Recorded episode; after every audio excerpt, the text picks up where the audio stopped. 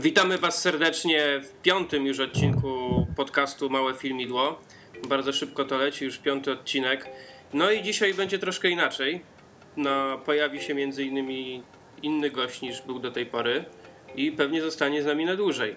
Jest ze mną Przemek.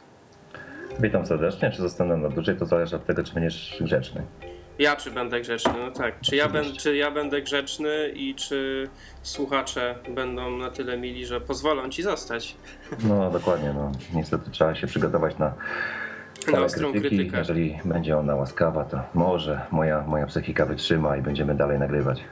Nie, myślę, że myślę, że nie będą mieli żadnych sprzeciwów tutaj, że wszystko im będzie pasować. No może dzisiaj się pojawić troszkę znowu inna konwencja. Yy, Nie mówię tu o treści merytorycznej, ale no chcemy już tak jakoś to wszystko uporządkować, żeby to mniej więcej wyglądało w każdym odcinku podobnie.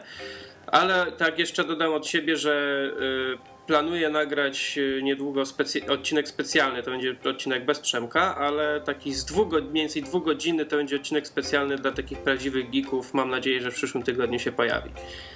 To rozumiem, że ja prawdziwym geekiem nie jestem. Yy, nie, no jesteś, tylko może jesteś, ale wtedy Ale to miał być akurat komplement, także wiesz. Yy, cz- tam będą już trzy osoby łącznie, więc tak cztery osoby do gadania to może być już trochę za dużo.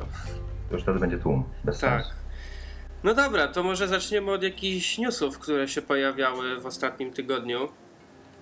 Yy, Ja bym może zaczął od tego, że pojawiają się już informacje, kiedy, kiedy będą kolejne sequele Awatara, bo jeżeli pewnie, nie wiem czy wszyscy się orientują, ale ma, ma być to trylogia.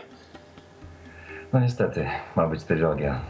Tak, bo Przemek, Przemek jest niestety antyfanem Awatara, nie lubi tego filmu, ma go dosyć. Nie tyle, co mam go dosyć, co po prostu możliwe, że nie doceniam jego walor artystyczny. No, to jest jeden z nielicznych filmów, który na Filmwebie u mnie jest oceniony na jedynkę. Uuu, ja, ja nie wiem czy w ogóle mam taki film. Mo, może z dwa mam na jedynkę. No ja mam, mam niestety. Po prostu jak poszedłem, pamiętam do kina, to jeszcze premiera była kiedy to? Jakoś grudzień?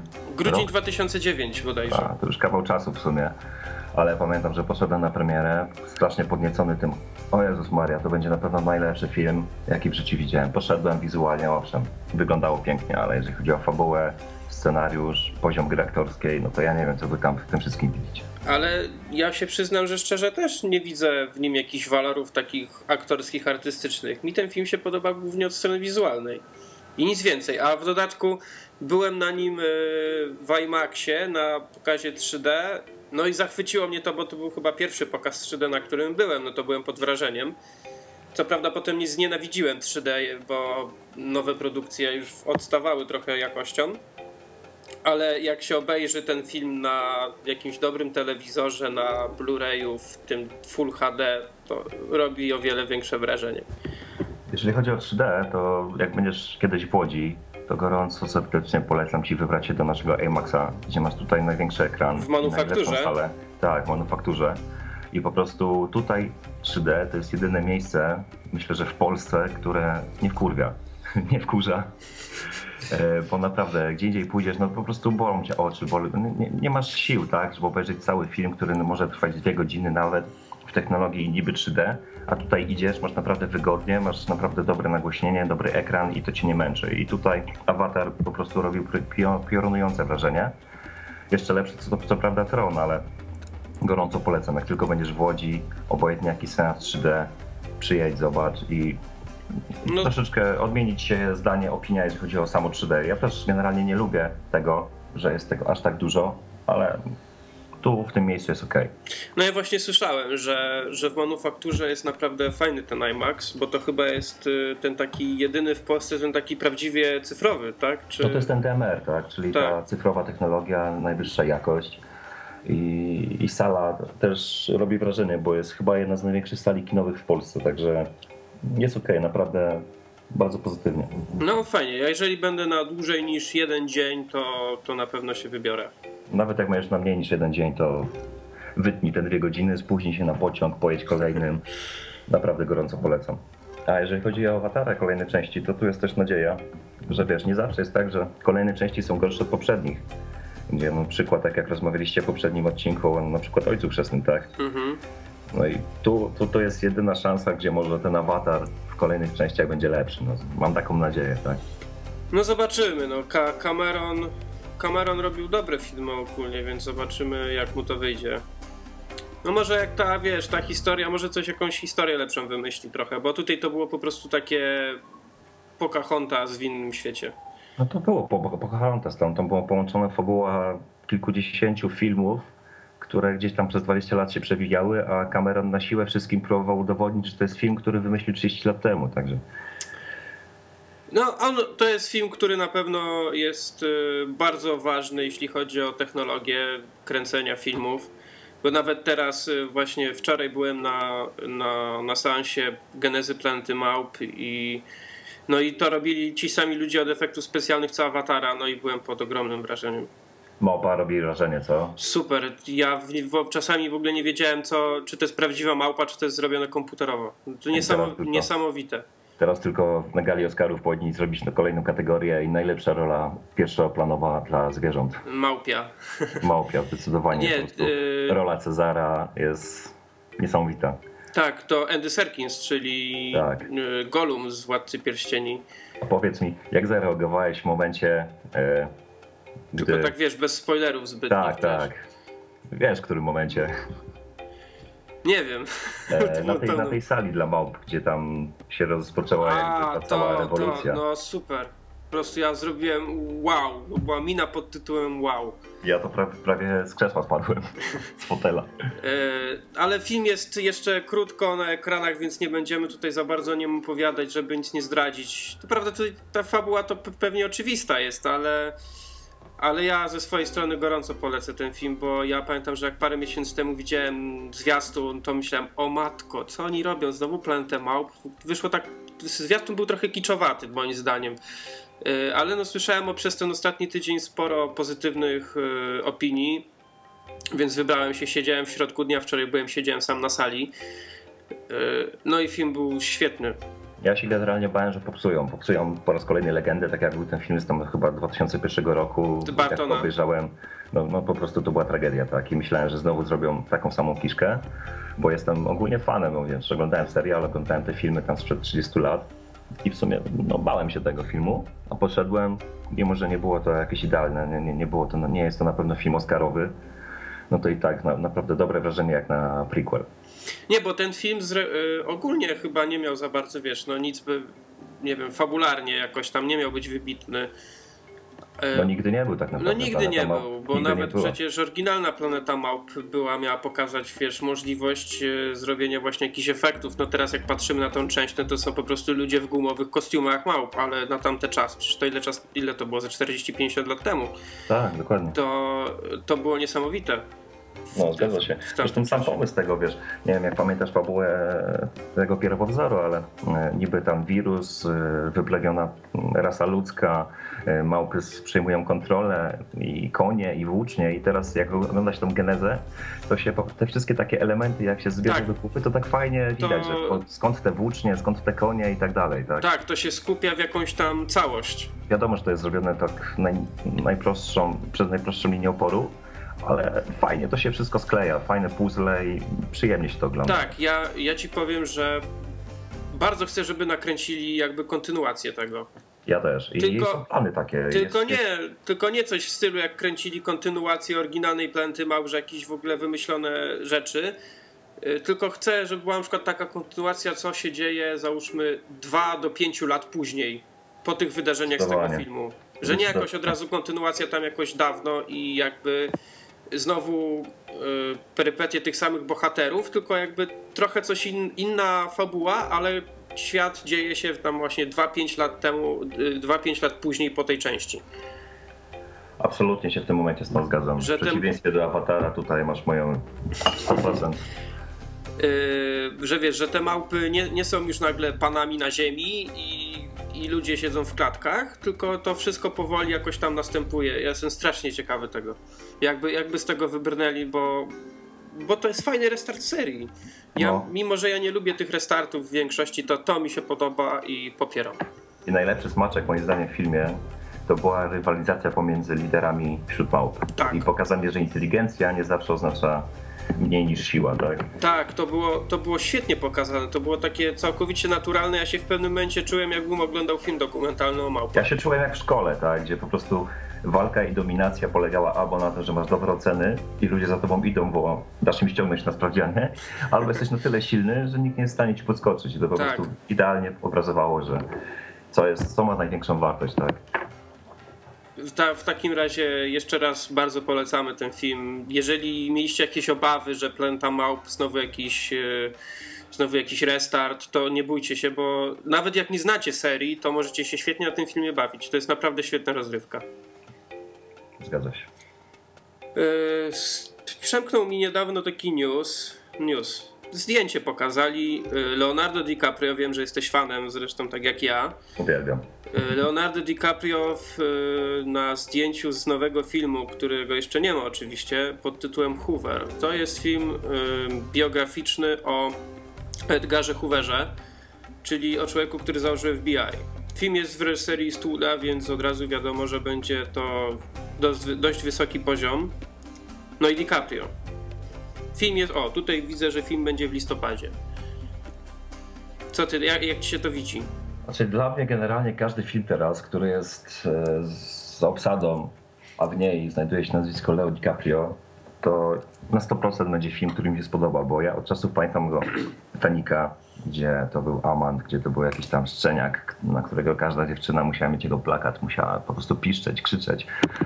I wariactwo, było szaleństwo, a później kolejne filmy, kolejne jakieś ciekawe role i tak jak ostatnio Wyspa Tajemnic, czy mm, Incepcja, no to po prostu moim zdaniem majstersztyk. I jeżeli e, Eastwood zabrał się za postać jedną z sumie najbarwniejszych, e, jedną zabrał się jedną z barwniejszych postaci w historii USA, e, to myślę, że Leo DiCaprio na 100% spełni swoje jakieś zadania w tym filmie powierzone przez e, Clint'a.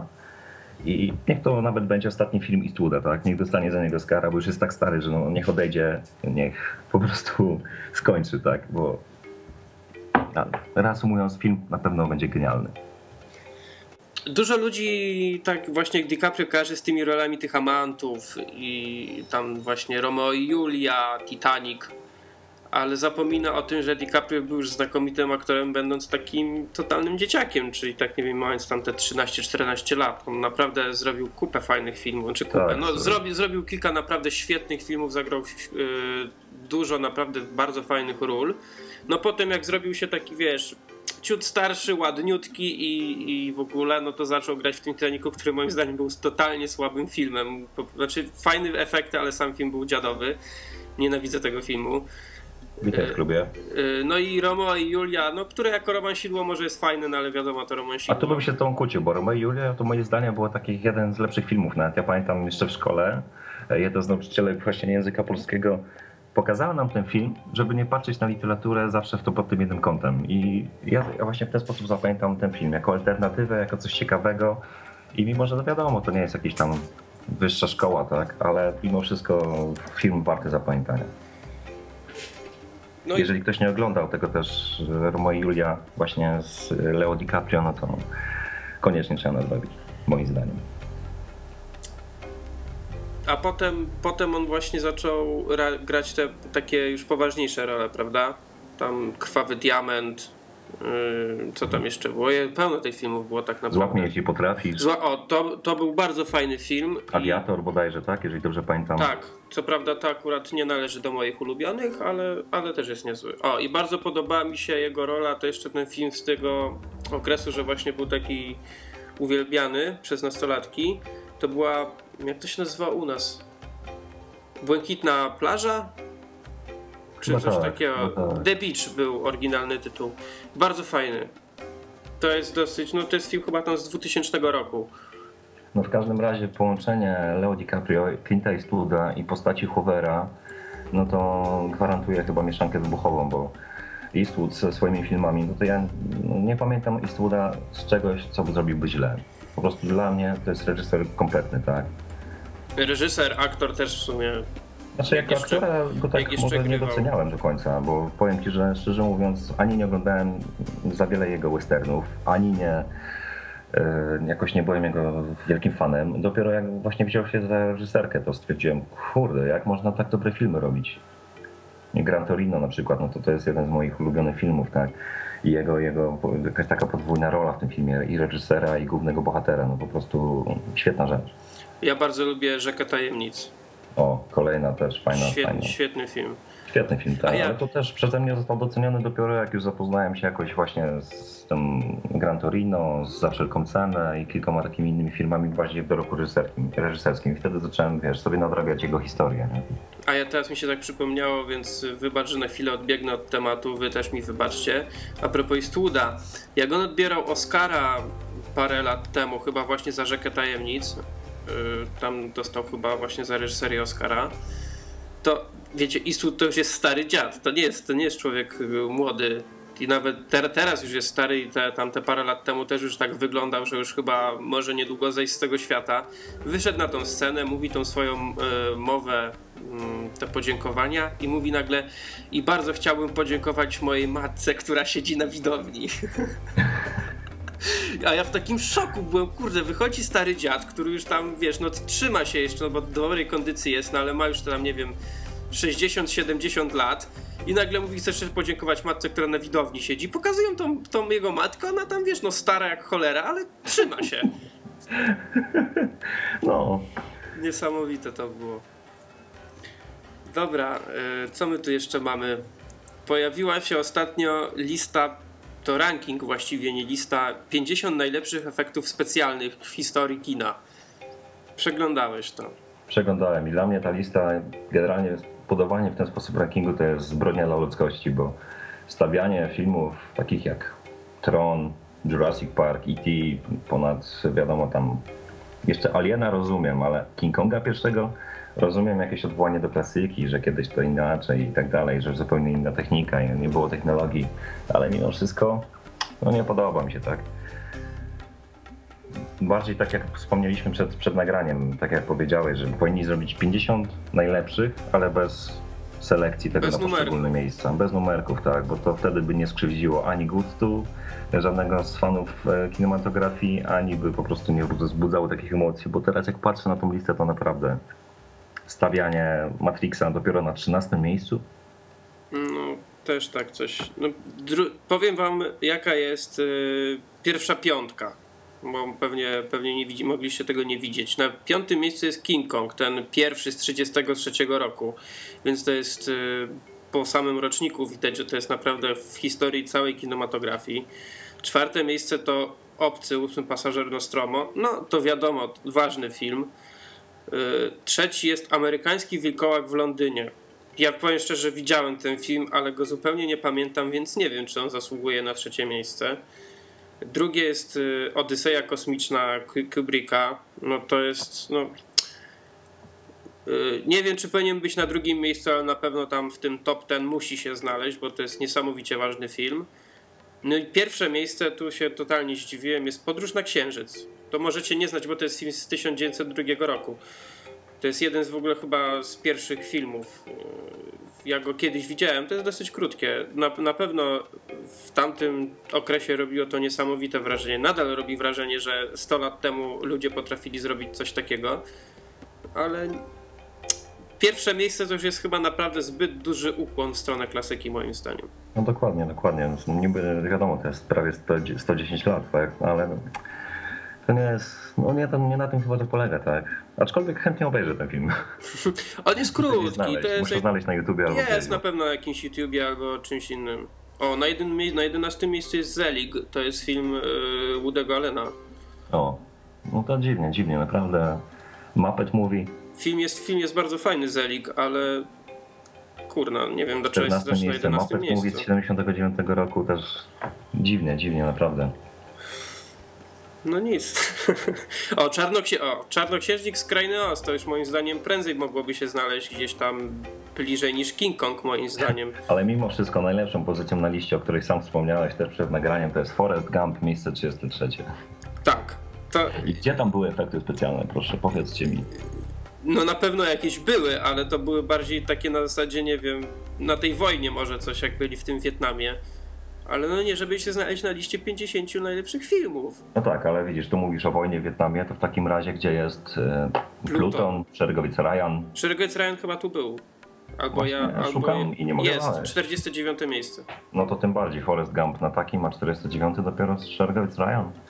No dziwna lista w każdym razie, a Nie no wiem. No. Tak jak, tak jak mówiliśmy, to jest, gdyby to nie był ranking, tylko po prostu lista 50 najlepszych efektów, to tak, to mógłbym W się... tworzyli go Amerykanie, także To może, zgodziłbym się. może mieli w tym jakiś za, zamierzony cel, może potrzebowali Może. jakieś tam odwołania się do klasyki, pokazania, że jednak w kinie nie trzeba robić tylko filmów o wampirach, można wymyślić coś nowego, tak? O, a propos filmów y, o wampirach, to widziałeś ten zwiastun, co ci tam chyba wczoraj podesłałem? Underworld, czy... Nie, nie, Nie, to, tego to, z Colinem Farrellem? tak. No ciekawie, ciekawie, ciekawie może być. Aczkolwiek no myślę, że przebić już tematykę wampirów o coś nowego, ciekawego, to może być bardzo ciężko. Czekaj, jak, się ten film nazywał? Ja już patrzę. Yy, bo właśnie wczoraj, jak byłem w kinie na, na Plancie Małp, to widziałem zwiastun. O, Postrach Nocy. Postrach noc. Fright. Fright, Fright Night. To nawet, nawet przetłumaczyli nawet jakoś tam znośnie. To jest jakiś film y, z Colinem Farrellem, w którym Colin Farrell gra wampira, ale bynajmniej nie, ta- nie takiego typu tam Edward, czy jak on się tam nazywa. Y, Tylko, no po zwiastunie to widziałem, że to może być fajne. Zobaczymy jak to wyjdzie. Ale powiem Ci, że i tak, tak jak wspominałem Ci właśnie wczoraj, jak pokazałeś mi ten trailer, że film o wampirach, który moim zdaniem był najlepszy w przeciągu kilku ostatnich lat, to było Let Me In. O tej takiej małej dziewczynce, wampirze, która miała swojego opiekuna. Mm, historia tam jest tak fajnie opisana. E, tak fajnie to jest wszystko poskładane i cała, cała ta wampirza otoczka, wampirza otoczka, to wszystko jest takie zupełnie inne, alternatywne i takiego podejścia, jeżeli nie wiem, widziałeś, nie widziałeś. Nie, nie widziałem, ale, Ale, właśnie ale widzę, naprawdę gorąco jest... polecam, bo to jest zupełnie inaczej pokazane. Niech sama fabuła mówi za siebie, tak? Jest mała dziewczynka, która mm, rozkopuje sobie chłopców. E, oni są na tyle zakochani i zauroczeni w niej, bo wiadomo, ona ma te swoje jakieś tam właściwości, że opiekują się nią, że przez ileś tam lat się nią zajmują. I ona sobie co 60 lat, gdy już ten jej młodzieniec się zestarzeje, szuka sobie nowego. Mhm. I właśnie przyjeżdża do jakiegoś, na jakieś tam osiedle, poznaje jakiegoś tam chłopca i się zaprzyjaźniają. Ten chłopak się zakochuje, ona zaczyna też czasem momentami szaleć, bo potrzebuje wiadomo krwi. I się jakoś ta historia fajnie zazębia. I, I z jednej strony film jest straszny, z drugiej strony jest, ma jakąś taką dozę romantycznej jakiejś historii, a z drugiej strony no, takie zupełnie inne podejście, jeśli chodzi o, o wampiry i całą tą drakulowską sagę. Ja właśnie widzę, że jedną z głównych ról gra Richard Jenkins. Czyli Ogólnie obsada tam jest dobra, tak, bo to nie no, polecam, tak, jeżeli ktokolwiek nie widział, ktokolwiek nie wie co to jest, niech sprawdzi, niech obejrzy, bo się naprawdę przyjemnie ogląda. No ja też sprawdzę, bo właśnie widzę, widzę, że obsada jest naprawdę fajna, zwłaszcza Richard Jenkins, którego bardzo lubię. E, Wiele osób może go kojarzyć między innymi z, z stóp pod ziemią. On gra tego ojca, który w pierwszym odcinku ginie. E, tak, prze, prze, zerknę na to, ze- zerknę na to w wolnej chwili. O, a tutaj w ogóle taki news się pojawił, że wraca e, Austin Powers. Nie wiem, czy, czy jesteś fanem Austina Powersa. No, oglądałem, tak, wszystko co tam było, ale to tak tylko po prostu chyba po to, żeby oglądać i mieć świadomość, że można coś takiego zrobić.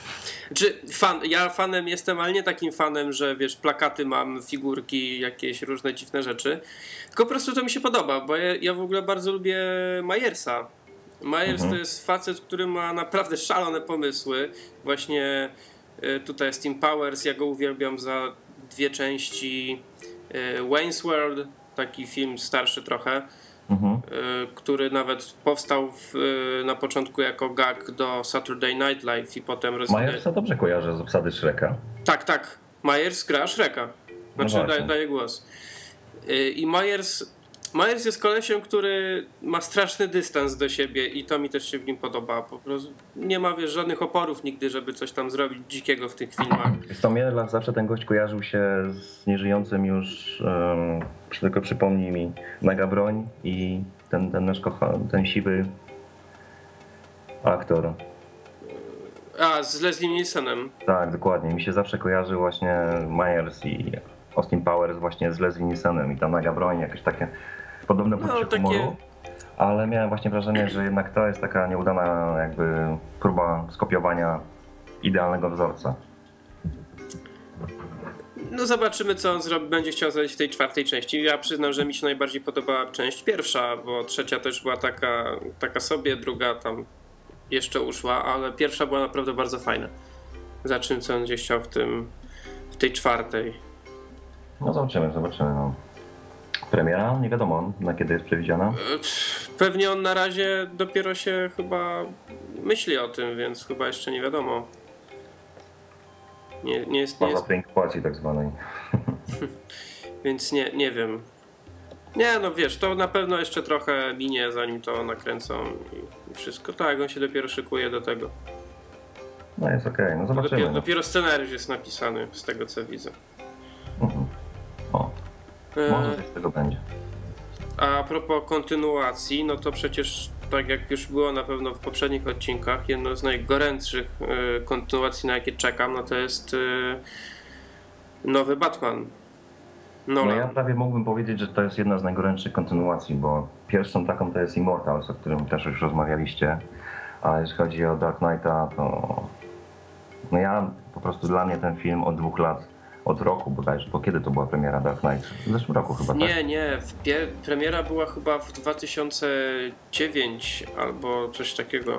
No w każdym razie od, odkąd wyszedłem z kina po raz pierwszy oglądając Dark Knighta, no to od tamtej momentu czekam na kolejną część, bo no brakuje mi takich filmów. Brakuje mi Nolana, żałuję, że on robi tak mało filmów, że nie bawi się jak inni reżyserzy, reżyser, reż, reżyserzy cztery filmy rocznie, bo jego mógłbym oglądać po prostu do bólu. No tak, ale zauważ, że dzięki temu to, co robi, jest no, już pełną profeską.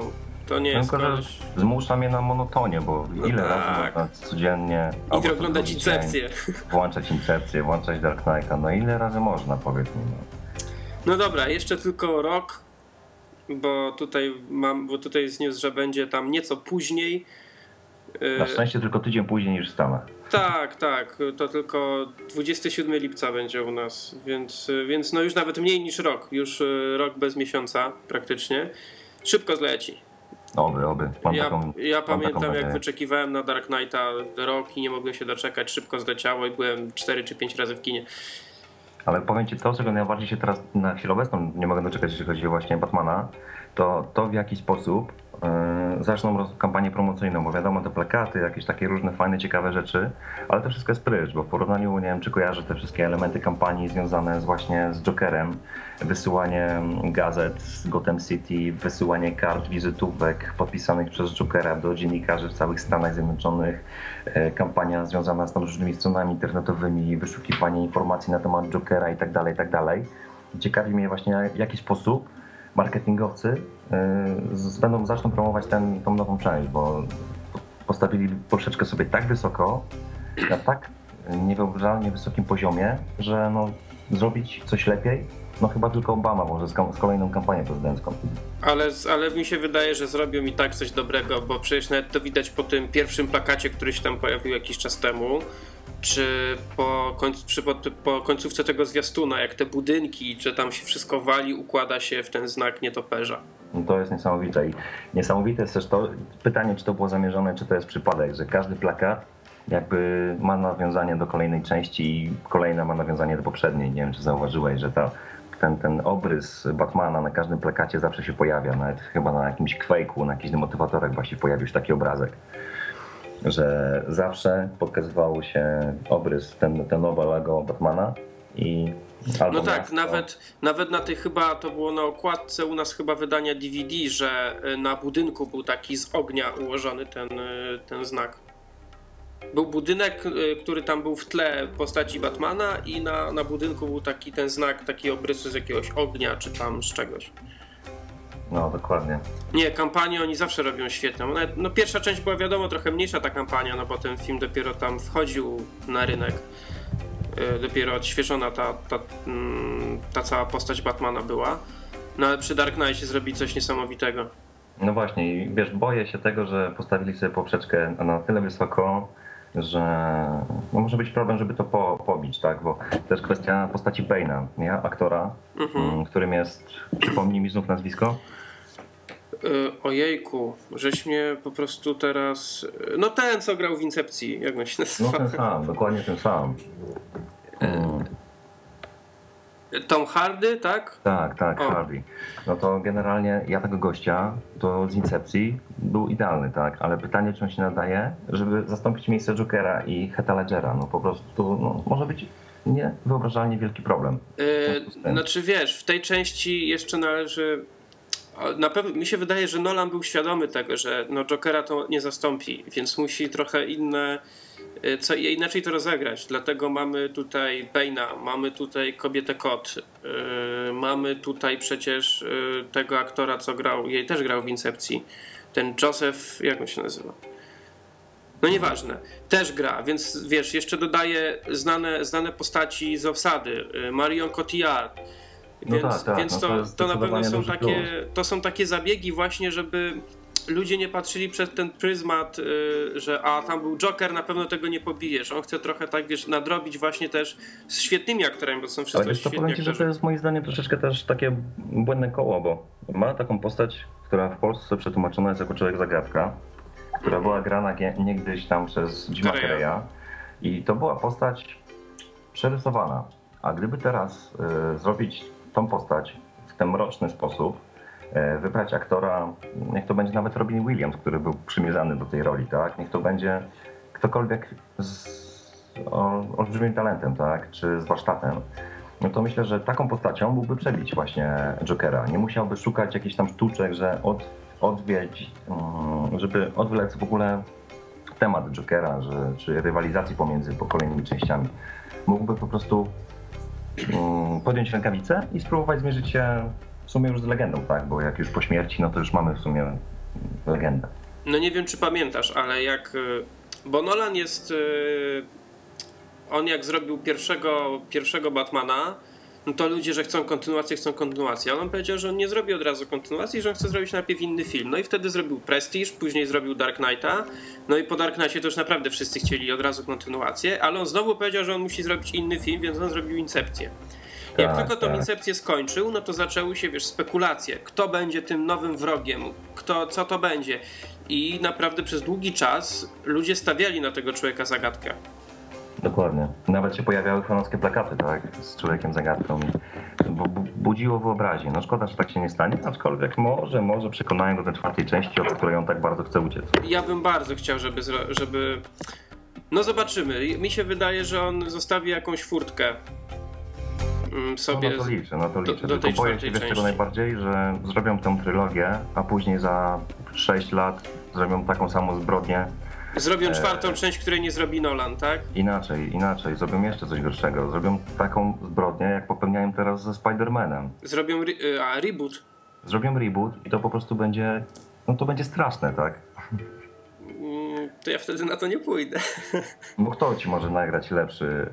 e, Nie, te, y, wiesz, znaczy, kiedyś mówiono tak samo o, o tym, o Bartonie, jak on zrobił dwa Batmany, ale no, Nolan postawił tutaj poprzeczkę tak wysoko, że Ale mi- Że lepszą- lepszą co- filmów Nolana, tak? Bo nie, Barton jasne, zrobił tylko jeden film z Jokerem i to było fajne, a reszta Batmanów do czasu od tamtego czasu żenada. Po prostu żenada. y, mi się wydaje, że jeżeli miałby powstać, nie wiem, nawet reboot, to mógłby to zrobić tylko ktoś za lat, załóżmy 15-20. Że byłaby jakaś znowu świeża krew, tak jak przed Nolan, to ktoś jego pokroju, że przyszłyby znowu przed młody, genialny reżyser i by mógł to zrobić. Ale mam nadzieję, że tego nie zrobią, że jednak Nolan uzna, że chce jeszcze zrobić z jeden przynajmniej film i Albo gdy, jeżeli miałby nie robić nawet tego filmu, to żeby nad następnymi filmami jakąś tam, wiesz, pieczę sprawował, czyli No bo ja nawet nie jakiś... widzę reżysera, który mógłby to zrobić lepiej, tak? Guy Ritchie, David Fincher, kto? Gdzie? No, na dzisiaj chyba nie ma. Przynajmniej z tych chyba- znanych. Chociaż nie wiem, ewentualnie Guillermo del Toro. To jest też reżyser, którego bardzo lubię Tak, ale on robi-. On robi trochę te filmy w innych klimatach. I właśnie dlatego to jest jedyna szansa na to, żeby ewentualnie zrobić reboot y, Dark Knighta kiedyś tam w przyszłości. No zobaczymy. Na razie musimy czekać sobie rok. Yy, wiem, że się nie zawiodę. Nawet nie mam, nie mam co myśleć inaczej. To nawet jeżeli się okaże ciut gorszy od dwójki, to i tak wiem, że będzie to świetny film. I chcę, żeby zgarnął Oscary za te półtora roku. Też marzę o tym. I to jak i chcę, żeby Nolan dostał Oscara za, za reżyserię tego. Żeby to nie były jakieś tam mniej ważne kategorie, tylko żeby naprawdę było to coś ważnego, jakiś film, scenariusz, nie wiem, znowu może Tak, aktor. tak. Tylko wiesz, pytanie, czy on zasługuje na to też, nie? Bo też te filmy, ten film też nie jest na tyle artystyczny, a z drugiej strony Oscary też są coraz mniej artystyczne. No, No, zobaczymy, no, a co? czekać. A Peter Jackson i Władca Pierścieni to jest film artystyczny? No, to kolejny, wchodzimy na kolejny temat filmu, którego po prostu nie trawię. Ojejku, o Władcy Pierścieni to można by gadać i gadać. No niestety, dla mnie książka była tak w miarę jeszcze fajna, ale film, A dla, u mnie na odwrót. Znaczy u mnie, u mnie film był fajny, a książka była słaba. no widzisz, no. A ja niestety Tolkiena pokochałem bardziej niż Jacksona. Szczególnie, że jakoś Jacksona też, nie wiem, może to jest jakieś osobista animozja, ale no nie trawię go, nie lubię jego. Nie lubię Zobaczymy jego. jak wyjdzie Hobbit. No zobaczymy. Tylko, że na szczęście on tam chyba też nie jest reżyserem, tylko produ- producentem. Nie, on jest reżyserem, on to reżyseruje. Aha, a to nie ma tego Del Toro? Nie, Del Toro to już nie ma od półtora roku. No to niestety bardzo smutna wiadomość w tej chwili. Bo Del Toro uznał, że on nie chce, nie chce mu się tego robić. Sam raz taka informacja na weekend, że zasmuciłeś mnie i będę musiał teraz pić przez trzy dni. E, No to może jak tak jeszcze nawiązaliśmy coś do Oscarów, to może rozweselicie to, bo nie wiem jak ty, ja oglądam Oscary co roku chyba od, nie Ja wiem, też, zawsze czwarta rano czekam i 13 lat chyba oglądam. E, I, I nawet jak wiem, że te Oscary będą totalnie przewidywalne i i nie będą jakieś tam rewelacyjne, to i tak to oglądam. Bo bardzo jest duże prawdopodobieństwo, że następną galę poprowadzi Billy Crystal. i to jest bardzo dobra wiadomość. To jest świetna wiadomość. Gość prowadził tą galę już chyba 8 razy. Ja widziałem, nie wiem, 3 bodajże. I za każdym razem płakałem ze śmiechu. Ja nie wiem, czy to, czy to z nim była ta gala, ale czy to, bo jeszcze Steve Martin też świetnie prowadził galę. Oj tak, Steve Martin to moim zdaniem był naprawdę świetny. Nie wiem, czy pamiętacie taki film Życie jest piękne. To y, Roberto Benini. Stary dobry film. I on ten film wyreżyserował i zagrał główną rolę. No i był nominowany za rolę pierwszoplanową, no i za reżyserię. Czy tam za najlepszy film. E, I wygrał, wygrał najpierw jedną, e, jedną kategorię, no i tak się ucieszył, że zaczął skakać po tych krzesłach.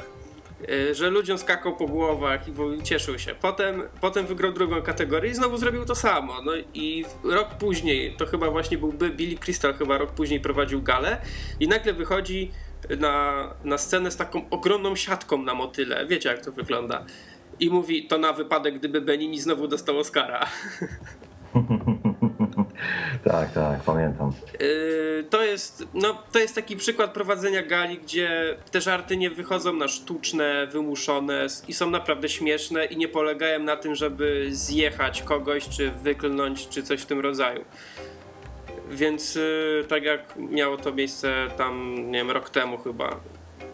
Albo teraz sztuczny był jak yy, Anne Hathaway i James Franco prowadzili, no takie trochę sztuczne to wychodziło. I mam nadzieję, że Billy Crystal jednak, jednak się zgodzi i wszyscy ja z tą. Hathaway to bym się kłócił mimo wszystko, tak. Bo dla mnie Hathaway to jest taka laska, która nawet w filmach, gdy gra, ona jest po prostu taka jakby troszeczkę, no taka z innej planety, tak. Dla mnie jej bardzo uroda przemawia. E, Jej kobiecość, jej jakiś taki styl i w sumie to było widać na tych Oscarach, tak. Było może to troszeczkę sztuczne, ale to też może wynik partnera, którego miała, tak, podczas. Może, Franco, y, Franco przemawiał do mnie chyba tylko w Spider-Manie. Franco przemawiał do mnie najbardziej w Tych E, 120 iluś tam godzinach. 127 godzin, tak. Ja tego filmu jeszcze nie widziałem. Powiem Czeka tak, gdzieś tam Dla w mnie to był kolejce. film bardzo fajny. To była pokazana postać, na, bo to wiesz, że to jest na faktach, tak? No tak. Pokazana po prostu jakieś takie walka z samym sobą.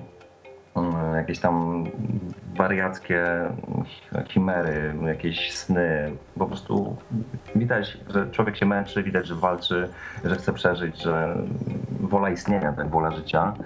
A z drugiej strony, mm, dla takich osób, które po prostu lubią filmy, żeby je obejrzeć, żeby nie szukają jakichś tam specjalnych rzeczy w postaci wybitnych elementów gry aktorskiej i tym podobne, to ten film był po prostu nudny, bez sensu i po co robić film, gdzie po prostu gość jest w skale przez ileś tam godzin? No po co to komu, tak?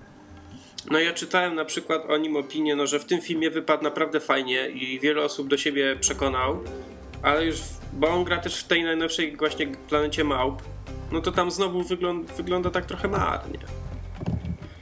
Znaczy to może być też związane z tym, że jednak postać Cezara nawet kurczę trochę gasi te postacie ludzkie. No to jest właśnie śmieszne i tak w którejś recenzji też czytałem, że właśnie w planecie Małp ten, ten, te postacie Małp, ten, ten Cezar i cała reszta to zdominowały gry aktorów, tak? I teraz pytanie, czy to było takie zamierzenie, że to małpy miały być po prostu na pierwszym planie i ja to tak odebrałem, czy y, Franco i cała reszta obsady dała sobie Spokój. spokój, tak? Bo wiesz, tam obsada też jest dobra. Nie kojarzę do końca aktora, m, który grał jego ojca. Tak? John Lindlow, on Tak, grał między Lindlow. innymi w Doskonale. I ja, ja go, ostatnio. Właśnie, właśnie o tym chciałem powiedzieć, że dla mnie ten gość jest świetnym aktorem i to pokazał właśnie w Dexterze grając y, trójkowego, tak? A jeśli, a jeśli nie kojarzysz, to on grał kiedyś w takim bardzo popularnym serialu, nawet u Trzecia nas. planeta od Trzecia Słońca? planeta od Słońca. Wybitny, wybitny Świetny serial. Dokładnie. naprawdę, tam- tam- To jest świetny aktor, tak. I on fajnie zagrał tego gościa, bo to dobrze pamiętam, że on, on był artystyczny, czy Nie, on miał Alzheimera. Dokładnie, Alzheimera, tak? I no to po prostu zagrał też fenomenalnie, tak? Tak, Ta to scena na przykład przy stole z y, widelcem, gdzie Cezar mu pokazuje jak jeść e, śniadanie, no to to, i wiesz, tu było pokazane jak małpa i Serkis może odgrywać rolę małpy i jak człowiek może zagrać takiego po prostu chorego, em, a wtedy Franco siedział, maślane oczy, No, nie było go tak naprawdę, Więc y, to mimo, że rola drugoplanowa, ja bym bardzo chciał, żeby on był nominowany, z, nie wiem, do Złotego Globu chociażby. No nie musi być to już od razu Oscar, ale chociaż żeby Złoty Glob naprawdę był nominowany za tą rolę, bo była bardzo, bardzo dobra. Dobra, słuchaj, bo ty chyba musisz się zbierać, więc y, zrobilibyśmy sobie Wiesz teraz... jeszcze mam spokojnie 20 minut, także Tak? jak coś, to Dobra. możemy nagrywać. Dobra, to potem sobie zrobimy najwyżej przerwę y, i dokończymy później. Tak, tak. Jak już wcześniej gadaliśmy sobie o wampirach, no to pojawił się niedługo zwi- niedawno zwiastun Underworld 4. No pojawił się. No, I ja ci rację. powiem, że ja czekam na ten film z jednej, z jednej podstawowej przyczyny. Kate Beckinsale. To jest kobieta, którą e, kobieta i aktorka, którą jak chyba właśnie pierwszy raz zobaczyłem w pierwszej części Underworlda, która była to już o Jezus dobre chyba 10 lat temu. e, Czy coś w tym rodzaju. Jezu, ja się w tej kobiecie zakochałem. Ona jest, y, ona jest i cholernie atrakcyjna, i to jeszcze jest Brytyjka, więc ma taki piękny brytyjski akcent. Y, No i jeszcze w tym filmie ma takie fajne te niebieskie oczy, które, które tak się świecą wręcz. I ta skóra, ojejku. Ach. Nie, ona jest świetna i między innymi dlatego nie podobała mi się część trzecia, bo jej nie było. Nie no, Laska jest naprawdę, naprawdę, naprawdę, naprawdę, naprawdę fajna. Dokładnie, więc yy, zwiastun zapowiada całkiem fajny film, pomimo tego, że jest w 3D. No tak, to jest Choć, kolejna bolączka, e, ale wiesz co, po zwiastunie widać, że wymyślili chyba w końcu coś e, nowego, tak? Bo Underworld kojarzy się z tym, że no są, mamy tych likanów, wilkołaków, mamy tych wampirów, oni się tłuką, Tak. la la la. Ja tak myślałem, że oni do końca świata będą cały czas tłuc się i po prostu będzie bla bla bla i 17 część i znowu wampiry są lepsze i teraz e, wilkołaki są gorsze, w kolejnej części będzie odwrotnie. A tutaj nagle jakiś zwrot akcji. Wiadomo, że to też płytkie i dość, dosyć takie no, banalne, ale zrobienie tego, że to w końcu ludzie polują na wampiry i wilkołaki, świetny motyw. Dokładnie. Mm, Ja, no nie wiem, zobaczyłem ten zwiastun wczoraj i no i pomyślałem, że to może być coś fajnego. Że, że to, no niby tak teraz się rozbiła ta moda na te wampiry, już można mieć trochę tego dosyć. Co prawda Underworld powstał chyba zanim ta moda jeszcze się tak rozpowszechniła. Mówię o jedynce oczywiście. Mhm. Y, Ale fajny pomysł jest w ogóle na ten film, że właśnie te wampiry to takie, takie, to wszystko takie futurystyczne jest, prawda? Tak, jest to troszeczkę taki Blade tak naprawdę, nie? No, coś, coś w tym rodzaju, dokładnie. Więc Ale, ale no, wiesz, w Blade'zie miałeś gościa, który no, po prostu mogłeś go, ty jako facet mogłeś go wziąć za wzór, ale chcę być tak zajebisty, a kobiety mogły powiedzieć, ale fajnie gość wygląda, nie? A Mhm. tutaj mam odwrotną sytuację, dziewczyny mogą powiedzieć, a ja bym chciała być taka fajna, a my możemy powiedzieć, ach, zakochałem się. no dokładnie. E, więc ja, ja na to z chęcią e, pójdę, chociaż chętniej pójdę, jeżeli wymyślą sens też, żeby był w 2D. No jak nie będzie, no to zobaczymy. Albo pójdę, jak będą dobre opinie samego filmu i 3D, a jak nie, to poczekam sobie na jakieś wydanie Blu-ray czy czy może do tego czasu będziemy mogli już kupować filmy normalnie w wysokiej rozdzielczości przez internet. A ja mimo wszystko dalej będę kupował DVD. A ja, ja różnie, wiesz co, to zależy od filmu. Są filmy, które y, mam tak, że chcę mieć. Że, że tak jak nie wiem, właśnie Mroczny Rycerz czy Incepcja, że ja wychodzę z kina i mówię, to jest dla mnie wyznacznik filmu wybitnego, że ja wychodzę z kina i mówię, ja ten film muszę mieć na nośniku na półce.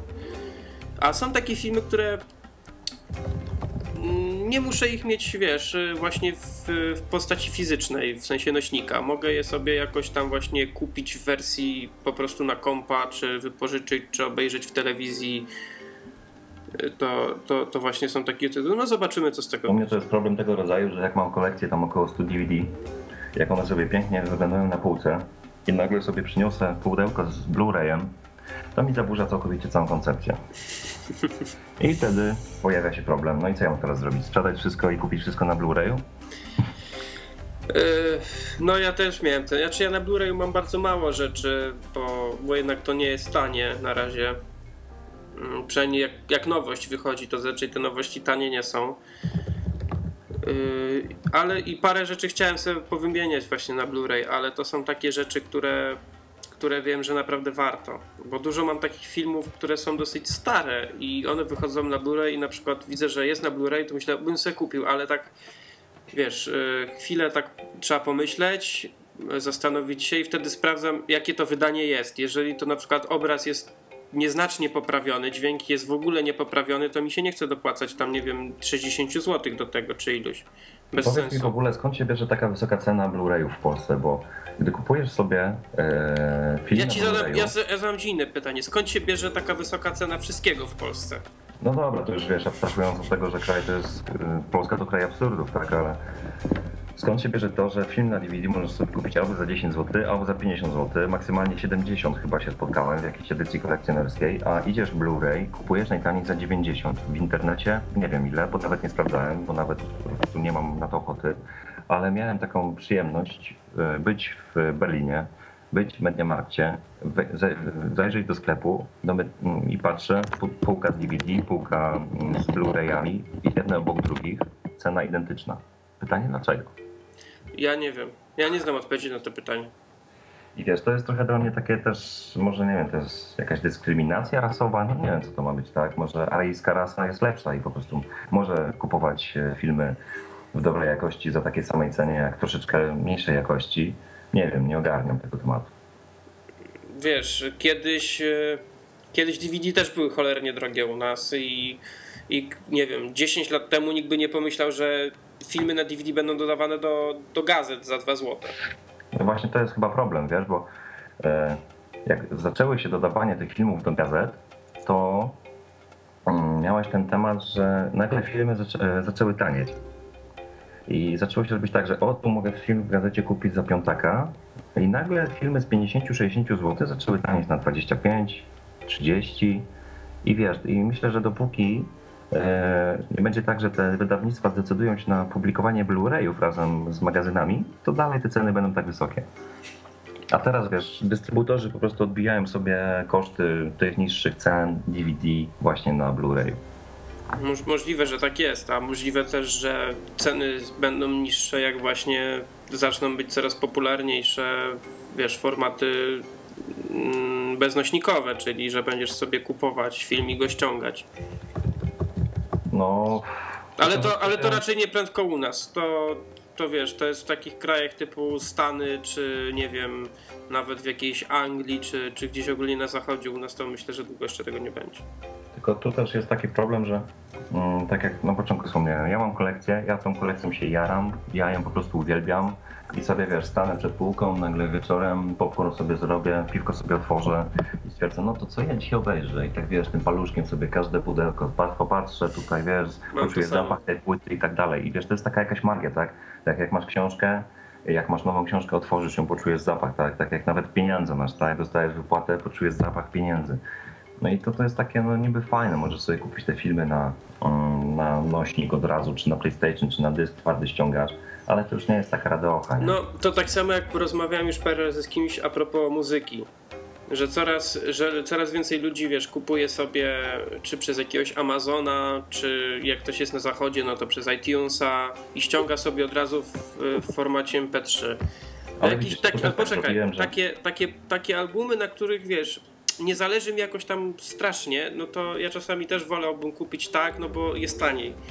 Ale jak y, są na przykład wychodzą albumy, teraz wychodzi w przyszłym tygodniu nowy album Red Hot Chili Peppers, mm, czy jakieś inne płyty, które sobie ostatnio nabyłem, to ja wolę mieć to pudełko, które sobie stoi na półce, bo zawsze biorę tą płytkę, mam tą świadomość, że mam tą płytkę, że, że zawsze mogę sobie zrobić gdzieś ripa, mogę sobie tą płytę wziąć bez potrzeby wypalania nowej, mogę ją sobie wziąć i posłuchać, nie wiem, w samochodzie czy u kolegi w radiu na trawie.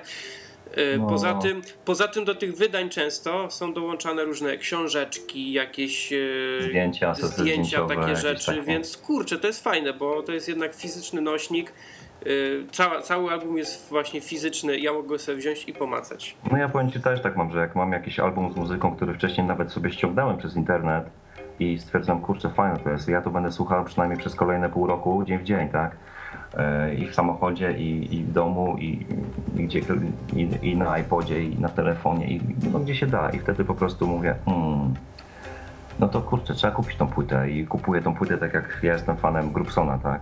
Mhm. Ja ściągnąłem sobie jego płytę, przesłuchałem, przesłuchałem drugi raz, trzeci raz, czwarty raz, piąty raz, szesnasty raz tego samego dnia i cały dzień ta płyta jechała i w końcu stwierdziłem, dobra, zamawiam. I wiesz, otwieram sobie tą płytę, mówię, a pewnie jakiś tam zwykły nośnik, tutaj płytka, tutaj coś, a tu tak, dostaję jedną płytę z muzyką, dostaję drugą płytę z jakimiś tam dodatkami, z jakimiś tam specjalnymi materiałami, dostaję jakąś książeczkę, dostaję jakieś zdjęcia. Ta, to pudełko tak fajnie wszystko przygotowane, do tego jakiś tam kupon do, na zakupy w jakimś sklepie i wiesz, to wszystko dostajesz i po prostu czujesz, czujesz się jak takie małe dziecko, tak? Jak, jak, jak rozpakowujesz prezenty na gwiazdkę. Dlatego, tak jak mówiłem, ja niektóre rzeczy, niektóre jakieś tam, nie wiem, czy filmy, czy niektóre albumy mogę mieć tylko w postaci elektronicznej i nie będzie mi to przeszkadzać, bo nie słucham tego non-stop, czy nie oglądam, tylko sobie tam od czasu do czasu tego wrócę, to tam obejrzę lub posłucham, ale niektóre to chcę mieć jednak, chcę mieć to na półce, chcę, żeby to stało, że mogę sobie przed tą półką stanąć i popatrzeć i pomyśleć sobie, kurczę, ale mam fajną kolekcję. No, dokładnie. To jest to, jest to, to jest taka radocha taka. No ale dobra, przejdźmy do kolejnego tematu, bo się rozmarzyliśmy jak, Tak. jak małe dzieci. Tak? E, tutaj ci też podsyłałem, że Ridley Scott planuje nakręcić kontynuację łowcy androidów. Ja się do czegoś przyznam. Nie oglądałem łowcy androidów. Przejdźmy do następnego tematu. Znaczy nie, powiem tak, oglądałem, ale oglądałem go, mm, dajmy na to, leciał sobie na Polsacie, ja sobie coś tam robiłem, a sobie film leciał. No dobra, No i wiesz, niestety- bo, bo nawet może to nie chciałem tutaj nawiązać do samego filmu Łowcy Androidów, tylko chciałem poruszyć bardziej problem, y, jak znani i cenieni reżyserzy wracają do swoich starych produkcji i kręcą jakieś tam kontynuacje czy coś. Tak samo właśnie Ridley Scott przecież teraz kręci Prometeusza, który nieformalnie jest prequelem Obcego. Mhm, no tak. I, I ja się tak zastanawiam, po co? Znaczy, on nie ma już pomysłów, czy po prostu kończy mu się kasa? Bo moim zdaniem, no, no nie jestem zwolennikiem odgrzewania kotletów. Yy, Co innego, jak powstaje, wiesz, yy, kontynuacja, załóżmy, nie wiem, 2-3 lata po filmie. To jest co innego, bo to można powiedzieć, że to jakoś tam zamierzone było, albo po prostu film osiągnął taki sukces, że, no, że chce się zrobić dalszą część. Ale co innego, kurczę, jak film był tworzony 30 lat temu i nagle, o dobra, to ja ten film zrobiłem 30 lat temu, to sobie machnę kontynuację. Wiesz co, ja myślę, że to jest bardziej od tej strony, że mm, producenci wykonawczy w tych wszystkich studiach filmowych stwierdzili, że po prostu potrzebują jakieś, nie mają pomysłu, dajmy na to na kolejny rok czy na kolejne dwa lata i potrzebują jakiegoś stałego zastrzyku gotówki, tak? A najlepszym zastrzykiem gotówki jest sprawdzony temat. No, no racja, ale zauważyłeś przecież, że przez ostatnie lata y, oni na nic nie mają pomysłu. Oczywiście w każdym, w każdym roku zdarzają się jakieś tam dobre, mocne pozycje, ale to są perełki. To nie ma tak jak kiedyś, że miałeś jeden rok i miałeś masę fajnych filmów. Teraz wszystko jest albo w tematyce wampirów, albo adaptacji komiksowych. To, No, to moim są... zdaniem to jest masakra, bo ja to... I wszystko jest w 3D. Najgorzej wspominam rok 2009, tak? czyli rok premiery Awatara. Nie dość, że to był tak gówniany film, moim zdaniem oczywiście, e, to jeszcze w przeciągu całego roku nie było żadnego filmu, oprócz State of Play z Russellem Crowe i z Rachel McAdams, który byłby jakiś w ogóle godny uwagi. Przez cały, cały jeden rok nie było ani jednego filmu, który naprawdę byłby chociaż na tyle dobry, jak w tym roku Geneza Planety Małp. Ja, ja wiesz, no. Może oni tam mają jakiś kurczę kryzys w tym Hollywood, no ale no ile może się taki kryzys ciągnąć? Przecież to nie jest tak jak u nas, że jest tam grupa ludzi, która robi filmy, a wszystko inne to są filmy, wiesz, offowe, niszowe, albo nawet, nawet po prostu jakoś mniej promowane i znane, bo u nas nie ma na to kasy. U nas nie ma czegoś takiego jak przemysł filmowy, a tam to jest przemysł. Wiesz co, wczoraj sobie obejrzałem, już nawiązując do tematu polskiej kinematografii, Salę Samobójców. Nie wiem, czy miałeś przyjemność. Nie widziałem, nie mam zamiaru tego oglądać. No to ja nie polecam i bo generalnie tak znajomy, pamiętam był w kinie na tym tam na jesieni w zeszłym roku i mówił, że no w sumie jeden z lepszych polskich filmów, tak?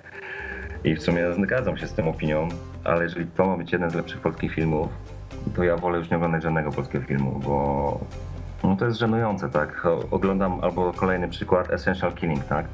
To jest podobno, to jest w ogóle jakoś strasznie chwalone, ja tego nie widziałem. To jest ale... takie gówno, że ja w życiu większego gówna nie widziałem.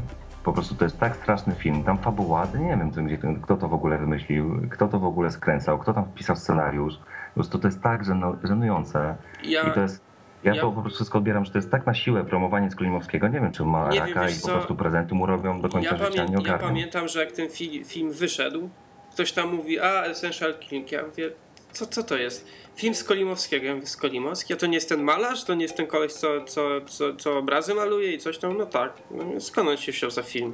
Nie wiem, on tam chyba coś wcześniej robił, ale to nie był jakiś taki nie wiem, chyba dla mnie straszliwie znany reżyser. Nie wiem, on naprawdę musiał dobrze komuś w dupę wejść, żeby e, ludzie się zabrali za taką promocję, I... żeby tak o nie pisano, bo to jest skandal. Ja pamiętam go, widziałem w jakiejś telewizji kiedyś i no on tam strasznie długo w tych Stanach siedział i on jest w ogóle jakimś tam bliskim, dobrym kumplem y, Jacka Nicholsona. I tak patrzę na tego Skolimowskiego i się zastanawiam, który od którego zerżnął, żeby non-stop chodzić w ciemnych okularach. Bo Skolimowski chodzi przecież Nicholson też od y, ładnych tam kilku, kilkunastu lat gdzieś się nie pokazuje, to jest w ciemnych okularach. Nie wiem jaki jest tego powód, jak ktoś wie, to niech mi napisze komentarz. No tak, wariactwo. No bez sens, bez sens, no ale no co poradzisz, no. Tak więc y, mówimy stanowczenie w ogóle. Już dla mnie zdecydowanie lepszym polskim filmem był, mm, przypomnę sobie, e, Skrzydlate Świnie. Nie widziałem, ale podobno niezłe. Podobno niezłe i faktycznie niezłe, bo byłem też na tym w kinie i nie, nie, nie zawiodłem się. Sam jestem kibolem, jestem kibicem, wiesz, jeżdżę na mecze i mm, pojawiam się na stadionach dosyć często. I wiesz, mnie to generalnie osobiście rani, tak? W jaki sposób media przedstawiają takich ludzi jak ja i mnie podobnych. I ten film to był jakiś taki obraz tego, że no nie było to przesadzone, tak? Bo z reguły jak jakiś Polak bierze się za realizację takiego tematu, no to robi po prostu taką bzdurę, wymyśla sobie historię z palca wyssane, i jakoś to się tam, jakoś to idzie, tak? A tutaj faktycznie no widać, że no ja czytałem, no ja właśnie jak pamiętam jak ten film wyszedł, ja czytałem trochę tam różnych y, artykułów na jego temat, że bardzo, że właściwie ci kibice, którzy są w tym filmie, to są faktycznie kibice, to nie są jacyś tam y, aktorzy wzięci, tylko są normalnie kibice. Oni się cały czas tam do, doradzali im to wszystko, jak to ma wyglądać, więc no, zgadza się, zgadza. podeszli do tego Wiesz, tematu profesjonalnie, a nie jakoś tak Też mi trochę nie pasowała na początku postać Małaszyńskiego jako tego przywódcy kibiców, ale z drugiej strony sobie pomyślałem o tych, o tych ludziach, których ja znam tak ze stadionów i oni podobni są do niego, tak, no, są ci sami ludzie i to było naprawdę bardzo fajne, tak. Mm, co prawda troszeczkę było tam kilka elementów, które z z rzeczywistością mają tyle wspólnego, co ja. No ale wiesz, to nie jest film dokumentalny, to musi mieć coś No tak, zgadza się, zawsze trzeba polecić troszeczkę z fabułą, ale no mimo wszystko to moim zdaniem, że to i tak nie był dobry film, to i tak był jeden z lepszych polskich filmów. No to ja go sobie nadrobię w wolnej chwili. Bo z chęcią. No ja pamiętam, że miałem się na niego wybrać do kina, coś tam wypadło i w końcu nie poszedłem. No, ale polecam. Jeżeli coś, to warto obejrzeć. Ja to z polskich filmów, yy, tylko co prawda to film taki, no już trochę bardziej ofowy, nie jakaś tam wielka produkcja, to film y, Erratum. A wiesz, że nie kojarzę? To jest y, z kotem. O, Tylko to jest taki, to jest Kojarzę, dramat, to jest taki chodzi, dramat. ale- Ja poszedłem na to do kina, no i film bardzo fajny. Tru, dosyć trudny, ale naprawdę godny polecenia. Dosyć trudne, to tak jak ja pamiętam, poszedłem na Wszyscy Jesteśmy Chrystusami, wyszedłem i nie wiedziałem, czy mam mi się powiesić, czy iść chlać. E, a to ten, Koterski, on robi dziwne filmy. Ja uwielbiam Bo- jego filmy. bo pamię- śmiesznego to jest Dobra, pamiętam tak a propos Koterskiego, y, bo Koterski taki, wiesz, znany takiej szerszej publiczności, czyli że każdy poznał Koterskiego, to Dzień Świra. Y, I ja pamiętam, że wszyscy tak mówili, że Dzień Świra to jest rewelacyjna komedia. W ogóle tak, ej, was pogięło? Przecież to nie jest komedia, to jest w ogóle, wiesz, spojrzenie w takim krzywym zwierciadle trochę na naszą rzeczywistość, ale to jest, No. to jest film prawdziwy, to nie jest komedia. To jest po prostu, wiesz, taki śmiech przez łzy, ale to, to, to nie, nie nazwałbym tego filmu komedią, a Ja bym tego nazwał nawet czarną komedią, tak? Bo no to też trochę jest dobijające, że ludzie taki film traktują jako komedię, nie? A potem wiesz, ludzie mówią, o, wszyscy jesteśmy Chrystusami, nowy film Koterskiego, to ten, co zrobił Dzień Świra, yy, na pewno jakaś świetna komedia. Idą na Wszyscy jesteśmy Chrystusami, a to dopiero był dobijający film. To było straszne. No mówię, no ja wyszedłem z kina i naprawdę zastanawiałem się nad sensem istnienia. Yy, no nic, niestety, Przejdźmy do przyjemniejszych tematów. tak, może to na razie teraz, wiesz co, zrobimy teraz ostatni temat, bo nie chcę cię tak przytrzymywać. A dokończymy sobie później. To taki szybki temacik. yy, Pojawiło się zdjęcie ekipy na planie nowego Mission Impossible. Ale powiem więcej, no pojawił się nawet trailer. A trailera nie widziałem, szczerze ci powiem. Ale ten trailer to był jakiś czas temu chyba. Kolejna spełniona ludzkości. Y, Miałem go obejrzeć, ale gdzieś mi się. Aj, to polecam Zagubił. naprawdę. Ghost, Ghost Protocol bodajże, jakoś tak, czwarta Tak. się nazywać To- i zapowiada się na uu, kawał dobrego kina sensacyjnego. A kto to robi w ogóle? Nie mam żadnego pojęcia, mi tylko wystarczy, że to jest Brad, Impossible. Breed. Brad Breed, nie wiem kto to jest. Wiesz co, to jest chyba gość, który... Nie, nie, nie, coś mi się pomyliło, bo... Bo trójkę robił a, e, Abrams. Tak, tak, Abram. Ale abstrahując w ogóle od tego, no po prostu trailer jest tak widowiskowy, e, że myślę, że trójkę może przebić, dwójkę może przebić, a jedynkę to już nie pamiętam. Y, Wiesz, dwójkę to przebiła i trójka. No, no zdecydowanie tak. Dwójka była dość słaba. Jeżeli pocisną tak jak... Tylko wiesz czego się boję, bo z reguły jak masz naprawdę dobry trailer... No to film wychodzi słaby. Tak, tak. I często jest tak, że najlepsze sceny wrzucone są te 60 sekund, a później idziesz. No ale widzisz, Tak. masz tu, masz tu sprawdzoną część obsady. No to oczywiście Tom Cruise, no to wiadomo. Jest tu ten y, Vin Crames, tak? To jest, ten, to jest ten czarny chyba, który był w każdej części. Y, Jest tu Simon Pegg, który no, na pewno wniesie sporo humoru też do filmu, więc, y, więc poza akcją będzie też trochę zawsze jakiegoś śmiechu. Y, Mnie się, no nie, zwiastun obejrzę później, ale ogólnie pomysł mi się wydaje fajny, bo dwójka była dosyć słaba, ale w trójce już to poprawili. I to jest, to jest fajna seria, to jest naprawdę fajna seria fi- dobrych filmów akcji. Co prawda jedynka była, bo jedynkę zrobił Brian De Palma. Yy, tak, dobrze mówię, tak. Yy, I to był film szpiegowski z elementami akcji. Ja bym tak go nazwał. Poza tym to były lata 90., też inaczej te filmy się kręciło.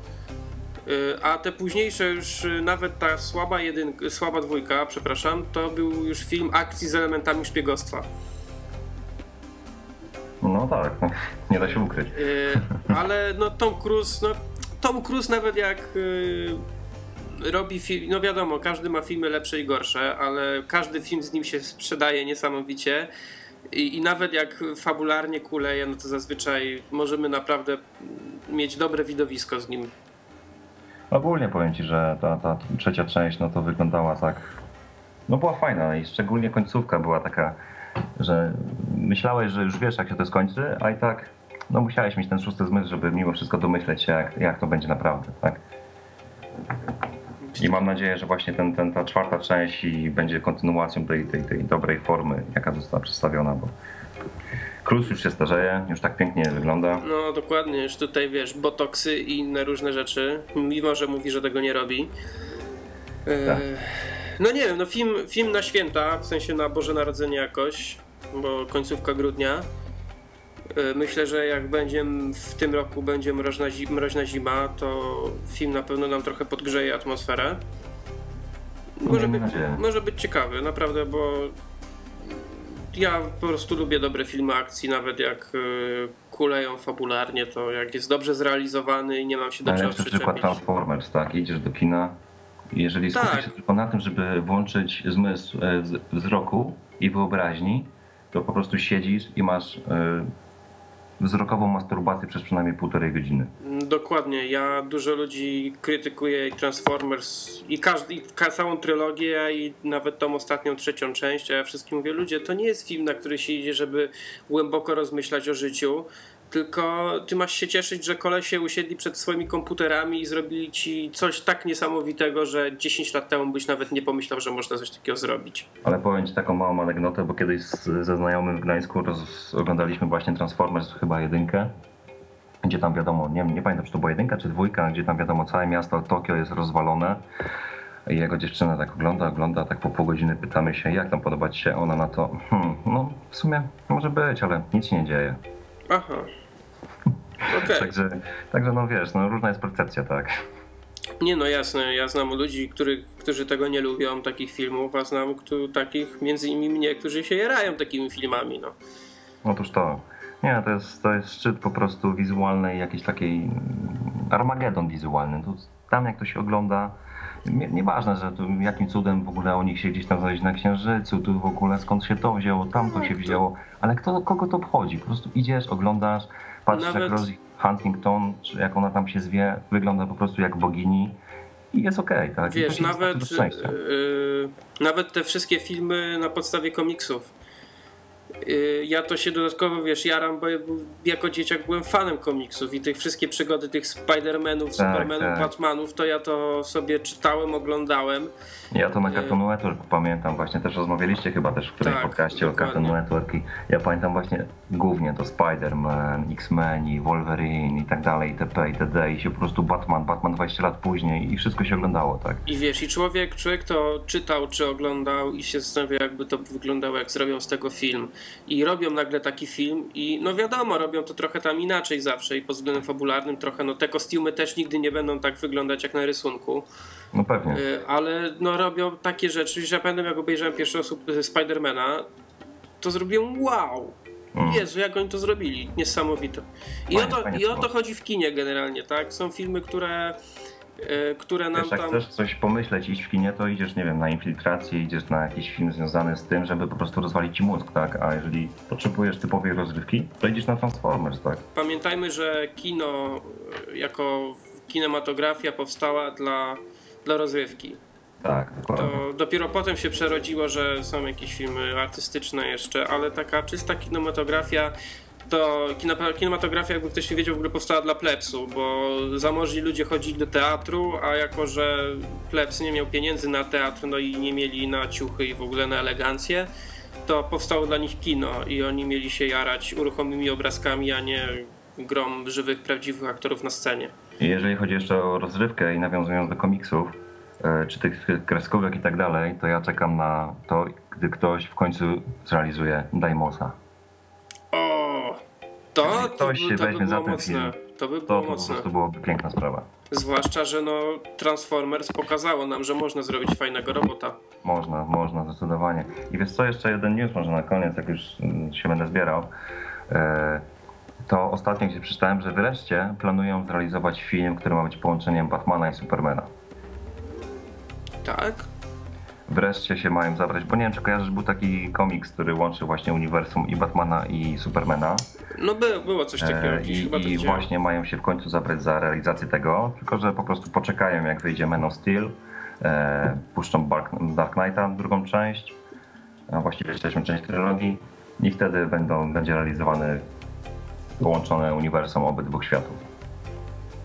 No nie wiem, może to być ciekawe. Zobaczymy. Bo wiem, że w komiksach to i czy w filmach animowanych fajnie to rozwiązywali. Więc y, film też może być ciekawy. Wiesz, ciekawe też by było rozwiązanie na przykład połączenia, e, tak jak w komiksie było, albo w kreskówce, jak połączyli Spidermana i X-Menów. Też było. Spider-Man to w ogóle dosyć bogaty był, bo mm, robili też y, komiksy w różnych alternatywnych rzeczywistościach i to też fajnie było porozwiązywane. Tak, tak, tak. No zobaczymy. No ja to liczę, tylko mam nadzieję, Wkurza mnie trochę ten reboot Spidermana, ale mam nadzieję, że chociaż jeżeli się pojawi się Venom, to będzie z Jazorem, będzie brutalny, będzie silny i Winoma będzie... nie będzie, będzie Jaszczur. Ale to jest dopiero pierwsza część, a zobaczymy, Aha. ma być trylogia No dobra, zobaczymy jak to będzie. Jaszczur wiadomo, ale no zobaczymy w kolejnych. No. Dobra, słuchajcie, bo Przemek musi, musi uciekać na razie, ale nie bójcie się, jeszcze nie kończymy. Na razie tylko krótka przerwa.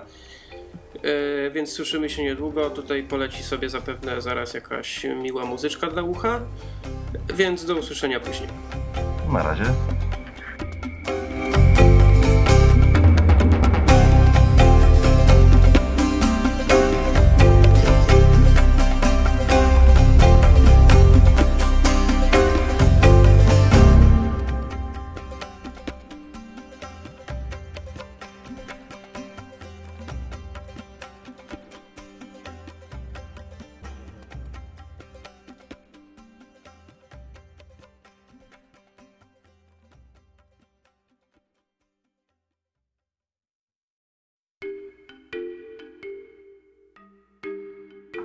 Witamy wszystkich po tej krótkiej przerwie. Przemek już, już do nas powrócił, więc możemy iść dalej.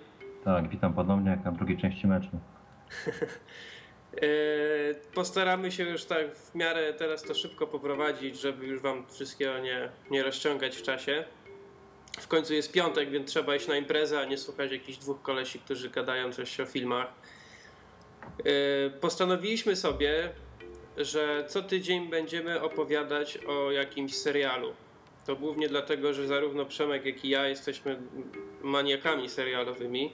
Mhm. A tak się jeszcze złożyło, że większość, e, większość pozycji oglądamy tych samych. I dzisiaj chcielibyśmy, mówiąc kolokwialnie, wrzucić na warsztat e, serial Suits, który to, o którym to właściwie ja się dowiedziałem od Przemka. No, serial, który moim zdaniem w tym roku chyba jest najlepszym serialem, jeżeli chodzi o premiery. E, W lipcu bodajże, na początku lipca miał swoją premierę i z odcinka na odcinek jest coraz lepszy. Jeżeli chodzi o fabułę, jeżeli chodzi o zarys postaci, to dawno, dawno tak e, z taką, z taką przyjemnością nie oglądałem żadnego serialu. To jest serial e, stacji US Network, tak? Dobrze, dobrze Tak, kojarzę? tak, ta sama, która White Collar. e, Tak, również, również bardzo fajny serial. Myślę, że na pewno go któregoś razu omówimy. Suits to, to jest serial w ramówce letniej, bo US Network ma, ma to do siebie, że bardzo często puszcza rozmaite seriale właśnie w tym, w, tym e, let, w, tej let, w tej letniej ramówce, czyli lipiec, sierpień i część września. Serial opowiada o prawnikach. To też można powiedzieć o akcja rozgrywa się generalnie w świecie prawniczym. A czy opowiada o prawnikach? Bardziej bym powiedział, że opowiada o dwóch typach, którzy uważają się za najlepszych na świecie. Bardziej to jest męska rywalizacja, wysoki poziom testosteronu, piękne kobiety, dużo ciekawych tekstów, riposty, inteligentne dialogi. I to tak w skrócie, jeżeli chodzi o, o to, żeby nie spoilerować, bo naprawdę wystarczy obejrzeć jeden odcinek, tak jak wczoraj. Tobie raz poleciłem, mówię, że ci się podobało. E, poleciłem wczoraj jednemu znajomemu. Pyta mnie Przemek, słuchaj, mm, nie chcę, nie mam co robić, chciałbym obejrzeć jakiś serial. Okej, włącz sobie The Suits. No on spoko, ale co to jest? Jakieś pewnie na pedału, bo wygląda jak dwóch by tam grało. Mówię, nie, spokojnie, włącz sobie ten serial, na pewno się nie zawiedziesz. Po 45 minutach, no stary, zajebisty serial. Dokładnie, to y, ja pamiętam, że obejrzałem se, y, pilota. Pilot jest trochę dłuższy, bo pilot trwa tam godzinę z hakiem, chyba godzinę 10. Y, Chyba tak, chyba tak, coś mniej więcej takiego, ale... może, może nie miałem tak, że mnie s- pilot powalił na łopatki, ale na pewno wzbudził moją ciekawość. Miałem coś takiego, kurczę, zapowiada się ciekawie, y, z chęcią obejrzę drugi odcinek. No i obejrzałem drugi odcinek, no i w tym momencie wpadłem, bo uznałem, że chcę już oglądać do końca. Y, No i leci, leci na bieżąco, więc nie, niestety nie mogłem od razu wchłonąć całego sezonu, co ja często robiłem. No Tylko tak trzeba czekać z tygodnia na tydzień. No to jest dobre, bo też powiem ci, nadrabianie seriali i oglądanie ich po nocach to ile można. Dokładnie, a jeszcze plus jest taki, że ta stacja y, nie ma w zwyczaju robić jakichś przerw między odcinkami, tak jak na przykład Fox, który potrafił między odcinkami, nie wiem, na przykład House'a, zrobić dwa miesiące przerwy. No to widzę, że jesteś niedoinformowany, bo ta stacja ma tendencję do jeszcze gorszej rzeczy. Znaczy, dobra, ma, ale y, akurat w, w, przypadku tego serialu nie ma. No faktycznie zapomniałem, teraz z White Collar będzie tak, że skończyli właśnie, skończyli właśnie w połowie sezonu, a po następny, następna część leci w styczniu. Dokładnie. Fakt, faktycznie, mój błąd. Ale na szczęście. Poniesiesz konsekwencje swoich czynów. Dokładnie. Tu mnie zaraz posypią się również komentarze pewnie, że o, nie wiem o czym mówię. Ale, ale ten, ten sezon akurat Suits ma lecieć chyba do końca. Więc ten zabieg z przerwą zrobią prawdopodobnie dopiero w drugim sezonie, który na szczęście powstanie. Niedawno, niedawno przeczytaliśmy, że powstanie drugi sezon tego serialu. No i kamień spadł mi z serca, bo niestety ostatnio jest tendencja do tego, że stacje przerywają bardzo fajne seriale. No z prostej przyczyny, bo nie ma kasy, bo tłumaczą to jakąś durną, marną oglądalnością i zostawiałem jakieś seriale dla idiotów. Jedyny serial, który się trzyma, mimo że nie ma oglądalności, to The Fringe. Szczerze powiedziawszy, nie widziałem tego. Tak. Wiem co, wiem, co to jest, ale nie widziałem, czy tam widziałem kawałek pierwszego odcinka, kiedyś jakoś mnie nie. Ale pamiętam, że też mieli jakieś problemy, że też wisiało nad nimi takie widmo yy, skasowania. By, był chyba jakiś taki okres.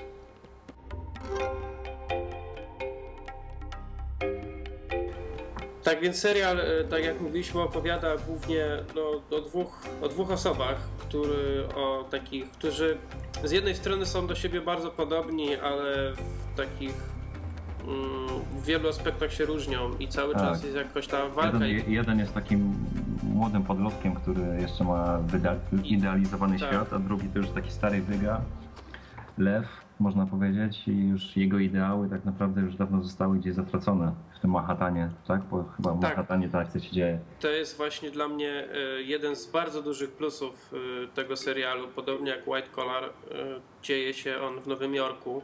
Piękny Nowy Jork. Który ja, który ja kocham, ja uwielbiam Nowy Jork. No ja kocham go tylko tak, to jest taka miłość na odległość niestety, ale podzielam twoje. No ja miałem, ja miałem przyjemność być w Nowym Jorku i no, oczywiście głównie Manhattan, bo reszta to, to wygląda inaczej, ale sam Manhattan jest pięknym miejscem, jest niesamowite. No i w obydwu tych serialach Manhattan jest we wspaniały sposób pokazywany. Naprawdę te przejścia między scenami jest właśnie pokazywanie Nowego Jorku. Mnie się osobiście bardzo podoba. E, a w, w Suits to też właśnie jest fajnie pokazane, czy tam właśnie gdzieś jadą, czy on jedzie w, nawet w samej czołówce, jak ten jeden z głównych bohaterów jedzie na rowerze, drugi jedzie w limuzynie, to też fajne kadry są pokazywane. No i na pewno serial spodoba się wszystkim paniom, bo te wyżelowane głowy, piękne, piękne, piękne budowa ciała i tak dalej. Dwóch bohaterów no i ta inteligencja przemawiająca z każdego ich jakiegoś słowa. No Piękna sprawa. Co prawda Neil Caffrey by im chyba bardziej podszedł, ale... Ale Neil Caffrey jest gejem, także... E, znaczy aktor, tak, dla, żeby, żeby wszyscy mieli jasność. Aktor, no, który... ale to wiesz jak to jest, tak jak było, pamiętam, swego czasu z Barneyem, tak? Z e, tak, Mother. dokładnie. Wielka postać, wielka legenda, a tu proszę, chłopak stał się, raczej jest gejem, ogłosił to światu i nagle mężczyzną, wielu, wielu milionom mężczyzn na świecie filary się zawaliły. Dokładnie. To te, o tym serialu też na pewno opowiemy, bo to jest y, też wart, wart uwagi. Właściwie to, no, dzisiaj to nie ma za bardzo tak dokładnie o czym opowiadać, bo ten serial jest dosyć świeży, jest, y, jest on cały czas w emisji. No i tak ciężko jest coś o nim powiedzieć, nie zdradzając szczegółów. Yy, może jakby już był przynajmniej z jeden sezon zakończony, to można by było trochę tam zdradzić jeden szczegół jest taki na tyle dobry, że oglądalność serialu jest wyjątkowo dobra, bo e, wiadomo, wakacje to jest taki sezon no, dosyć e, specyficzny. I z reguły bywa tak, że gdy jakiś serial ma premierę telewizyjną swoją właśnie w USA w przeciągu tego sezonu wakacyjnego, to oglądalność zwykle jest bardzo słaba, a właśnie w przypadku garniturków to zupełnie inaczej to wygląda. Oglądalność, jeśli dobrze pamiętam, to jest 5-6 milionów e, obywateli na odcinek, także to jest dosyć, nie to jest do, dosyć dobry wynik. A to chyba jeszcze, znaczy nie jestem pewien, ale to chyba mm, nie jest tak do końca taka prywatna stacja. W sensie taka, wiesz, że trzeba płacić za, za, za oglądanie, więc znaczy nie jestem pewien, co musiałbym sprawdzić, ale jeżeli tak jest, to wtedy to byłby naprawdę dobry wynik. No wiesz co, nie wiem jak to do końca wygląda, jeżeli chodzi o stację samą w sobie, ale właśnie ja pamiętam jak jeszcze była taka sytuacja właśnie z The Fringe, gdzie oni mieli tam oglądalność tam 2 miliony bodajże i już się zaczynały głosy, że czy jest sens kontynuować emisję serialu, czy, czy to, to w ogóle ma ręce i nogi, ale tak samo serial, który został zdjęty, um, Lie to Me. Świetny serial. No właśnie, świetny Strasznie żałuję. I też go strasznie żałuję, czy, czy inne seriale, tak jak Flash Forward, e, czy The Event też premiera zimowa, które no, oglądalność miały taką średnią, a tutaj nagle gdzieś nie wiadomo skąd wchodzi jakiś nowy serial o dwóch gościach w garniturze, o jakiejś poważnej kancelarii prawniczej. I znowu ta sama tematyka, znów, znów ten sam temat. Wydawałoby się, że już nie, nie można zrobić niczego fajnego, niczego świeżego, a tu proszę nagle, uff, bach. No ja, ja pamiętam, że jak zacząłem pierwszy raz, y, że tam wyszedł pierwszy odcinek tego serialu, przeczytałem o czym to jest, to mi przyszedł na myśl ten serial, co był z Belushim niedawno też. Tak, no to jest ta sama tematyka praktycznie. I to, I to też był niedawno serial. Przecież ten serial z Belushim też tam, nie wiem, pół roku temu, czy, czy jakoś on chyba w, w tej zimowej ramówce miał premierę. Tak, tak. Wie, tak, więc tak, byłem, tak. byłem zdziwiony, że wypuszczają w takim, wiesz, krótkim odcinku mm, od czasu między sobą, wypuszczają serial o podobnej tematyce. Tak. Ale tamtego nie widziałem, ale mam przeczucie, że jest o wiele gorszy. Też mi się tak wydaje, aczkolwiek no to też trzeba, trzeba wziąć poprawkę na to, że nie każdemu może się podobać na przykład taka stylistyka, jaka panuje właśnie tutaj w, u panów w garniturach. Tak. To czy to ta stacja ma taką, ta stacja taką stylistykę prowadzi, prawda? Bo No tak, White Collar White Collar. podobny jest. Tak, tak, ale tak naprawdę no, jakbyś mnie zapytał, to nie kojarzę innych seriali z tej stacji. Ja szczerze mówiąc też nie. Ja, ja, ja White Collar chyba tylko kojarzę, którego, przez, do którego też jakoś nie mogłem się długo przemóc. Ja czytałem kiedyś o nim, że jest taki serial, jakoś mnie do niego nie korciło, bo nie, przema- nie przemawiało do mnie to, o czym on jest. Obejrzałem pierwsze dwa odcinki i też wsiąkłem. I zaraziłem już im nawet parę osób. No i tak to powinno wyglądać. Nie? Dobra, to żeby już właśnie nie zdradzać więcej o jakiejś fabule, Tak, nie spoilerujmy. nie spoilerujmy, więc y, nie wiem, jeżeli ktoś widział ten serial, ogląda go, to może, nie wiem, jakąś, jakaś dyskusja się rozwinie w komentarzach na Facebooku czy na Twitterze. Y, Z chęcią, z chęcią pogadamy. Ja dam też później y, tutaj namiary twitterowe na, na Przemka, więc jego też tam możecie jakoś zaczepić. A teraz co? Może już tak będziemy powoli kończyć i chcielibyśmy też na sam koniec powiedzieć coś o premierach, które dzisiaj wchodzą do kin i które nas czekają nowe filmy przez y, najbliższy tydzień. Mhm. Pierwszy, no to oczy- oczywiście kolejny tydzień będą głównie królować dwa filmy w 3D, z czego bardzo się cieszymy. No oczywiście, jesteśmy w niebo wzięci. Tak, pierwszy to jest film o sympatycznych, małych, niebieskich ludkach, czyli Smurfy. Mówisz sympatycznych, małych i to D i TP, a tak naprawdę nie wiem, czy widziałeś trailer tego nowego filmu. Jak ja patrzę na te potworki, to mi się przypominają te takie te gremliny, które trzeba było spryskać wodą i one się zamieniały w potwory. Generalnie jak, ja, czyli ja się wychowałem na smurfach. Dla mnie hasło smurfastycznie przez przynajmniej 10 lat dzieciństwa to było e, tak jak teraz zajebiste, tak? I w momencie teraz idę, patrzę, widzę plakat, widzę jakiegoś mutanta, który ma przypominać Smurfa. E, słyszę ten e, dubbing i tak się zastanawiam, kurde, zepsuli mi dzieciństwo. Ja myślę, że najlepszym pomysłem na zrobienie tego filmu, no tak mi się wydaje, by było połączenie gry aktorskiej. Jeżeli miałby być zestaw, e, jeżeli miała, miałby pomysł zostać zachowany, to byłaby gra aktorska z tradycyjną animacją, czyli coś w stylu Space Jam, czy kto wyrobił Królika Rogera, czy tam innych filmów e, ze stajni Warner Brothers. To byłby zdecydowanie chyba lepszy pomysł, bo tutaj niby chyba też jakoś to mieli wpleść ten rzeczywisty świat, czy, czy, no, czy jakoś tak. Aczkolwiek no, na pewno nie pojawi się w kinie, na pewno i nie obejrzę tego na DVD. Nie wiem, ja może to kiedyś obejrzę z czystej ciekawości, ale na pewno nie na zasadzie, że kupię to, ewentualnie mogę sobie to od kogoś pożyczyć. Nie, nie podoba mi się właśnie zrobienie Smurfów. y, Ja się czu... Jak ja zacząłem po raz pierwszy, to się czułem, jakbym oglądał niebieskiego plastusia. A widziałeś Gargamela? Widziałeś jak go przedstawili? Znaczy, Gargamel moim zdaniem prezentuje się najlepiej. Aha, no to widzisz, no. Znaczy, no, jeżeli patrząc na całą resztę, to owszem, Na prezentuje z się całości. najlepiej. Mi chodzi o całość. Z całości No tak, tak, Gargamel no. prezentuje się najlepiej. Pod tym względem owszem, ale ogólnie to też wygląda tak, no, antysmetrastycznie. Nie, jesteśmy przeciwni temu filmowi. Jeżeli nie macie małych dzieci, które chcą koniecznie zobaczyć ten film, to na niego nie idźcie.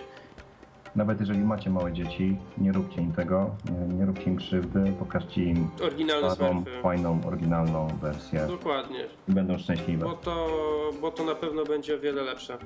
na 100%. Drugim filmem, o Jezu, znowu, i znowu remake, jest Conan Barbarzyńc, Barbarzyńca w 3D tradycyjnie. No i tu też pojawia się kolejny problem. Bo generalnie, jeżeli chodzi o trailery, jeżeli chodzi o to, w jaki sposób ten film prezentował się przed premierą, to wyglądało wszystko pięknie. Szczególnie ta scena, nie wiem czy kojarzysz w trailerze, gdy chłop, młodego chłopaka wysłali do lasu i miał tam zająć się kilkoma dzikusami. Szczerze mówiąc, nie widziałem nawet tego trailera. No to w takim razie nie będę dalej spoilerował, ale polecam sobie obejrzeć sam trailer. I to bardzo było takie dość e, przyciągające, brutalne, dużo krwi, dużo przemocy. Typowo taki film kolejny, żeby rozwalić, rozłupać, roztrzaskać. A teraz jak zacząłem czytać recenzję już po, po premierze samego filmu, no to niestety, ale chyba się na niego nie wybiorę. E, nie wiem, ja mam za bardzo w pamięci oryginał, czyli młodego jeszcze Arnolda, jak grał, w, grał właśnie Conana w Konanie i chyba w Czerwonej Soni, z tego co dobrze pamiętam. Tak, tak. No to jest, to jest jednak klasyka, no wiadomo, że to Tak. wyglądało trochę inaczej, w tamtych czasach się chyba- inaczej robiło filmy fantazy, ale no to jest klasyka, no.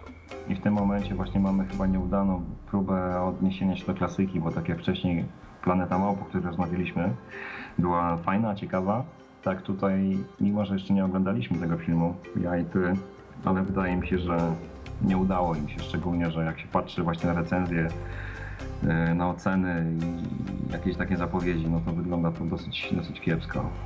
Nie wiem, ja jak, jak myślę Conan, to nawet nie, nie to, że film y, mam przed oczami, ale tam jeszcze chyba była kreskówka jakaś po drodze, Była. było coś. Ja jako jak myślę Conan, to widzę kolesia, który ma, jest tak szeroki w barach, że ledwo mieści się w kadrze. A tutaj no jakiś dobrze wyrzeźbiony koleś, którego część może kojarzy z gry o Tron, takiego serialu HBO, on tam, tam grał, a wcześniej grał chyba w, w tym w Gwiezdne Wrota Atlantyda.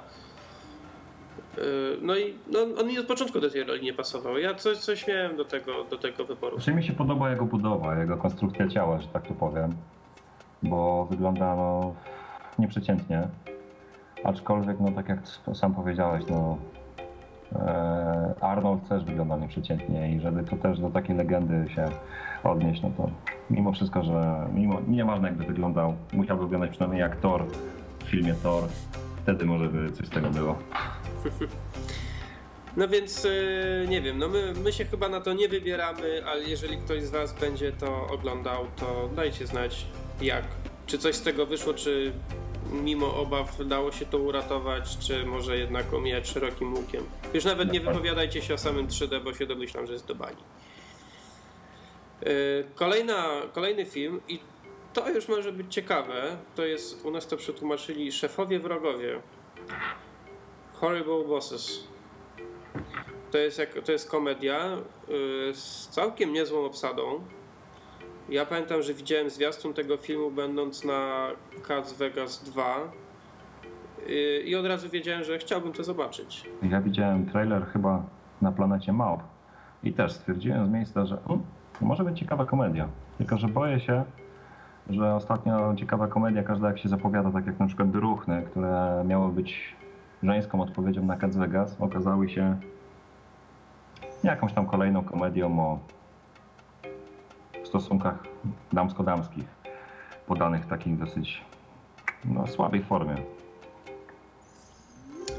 I No tutaj ja też drugi- może być taka sytuacja, że no, zapowiada się ciekawie, tylko wiesz, to o czym też wcześniej mówiliśmy, że może być tak, że trailer zawiera wszystko co najfajniejsze w filmie, a później oglądasz i będziesz się nudził przez te no pewnie półtorej godziny. Dokładnie, ale obsada, obsada jednak tu jest dosyć ciekawa z takich e, ludzi, których wszyscy mniej więcej pewnie kojarzyć. No to jest e, Jason Bateman. On ostatnio się po- pojawia w prawie każdej amerykańskiej komedii, więc na pewno go skojarzycie. Colin Farrell, z tego co widziałem na trailerze, to jest w bardzo fajny sposób pokazany, bardzo ma ciekawą charakteryzację. Taki koleś e, z przerzedzioną, z przerzedzoną e, czuprynką zaczesaną na bok. Jest Donald Sutherland, dawno już chyba nie widziany w czymś większym. A, szkoda, bo jest rewelacyjnym aktorem. Co Hmm. prawda już się powoli mocno starzejącym. Mamy Jennifer Aniston, o którą kojarzy każdy. E, Kevin Spacey, też pewnie każdy, też Spacey'ego każdy powinien znać, a na pewno możecie kojarzyć z American Beauty, z którego to nasz odcinek e, umila motyw muzyczny. No i Jamie Foxx, którego też chyba każdy zna. Nie, to się. Nie, no. Obsada jest bardzo ciekawa. Obsada jest ciekawa, film y, zapowiada się nieźle. Zobaczymy. Też się boję tego, że okaże się, że zwiastun zapowiadał rewelacyjny film, a wyjdzie jak zwykle. Ale no, miejmy nadzieję, że poszli po rozum do głowy twórcy tego filmu i jednak zrobili coś wartościowego. No, Dokładnie. Podzielam, podzielam twoją nadzieję. Mamy tu jeszcze coś? Mamy. Mamy latający mnich i tajemnica Da Vinci. Brzmi strasznie tajemniczo. Albo strasznie głupio. Albo strasznie głupio. Ale biorąc pod uwagę, że to polski film, to może Po- być strasznie głupi. Polsko-słowacki. To Tak, jest- i właśnie ta Słowacja tutaj Może coś daje uratuje. promyk nadziei. Daje Tak, promyk to nadziei, jest- że może to nie będzie kolejna kiszka. To jest e, jakiś histo- dramat historyczny, przygodowy, przynajmniej tak mówi strona. W obsadzie z polskich aktorów, no to chyba znany najbardziej to Paweł Małaszyński. Nie wiem, czy ktoś jeszcze będzie z naszej obsady.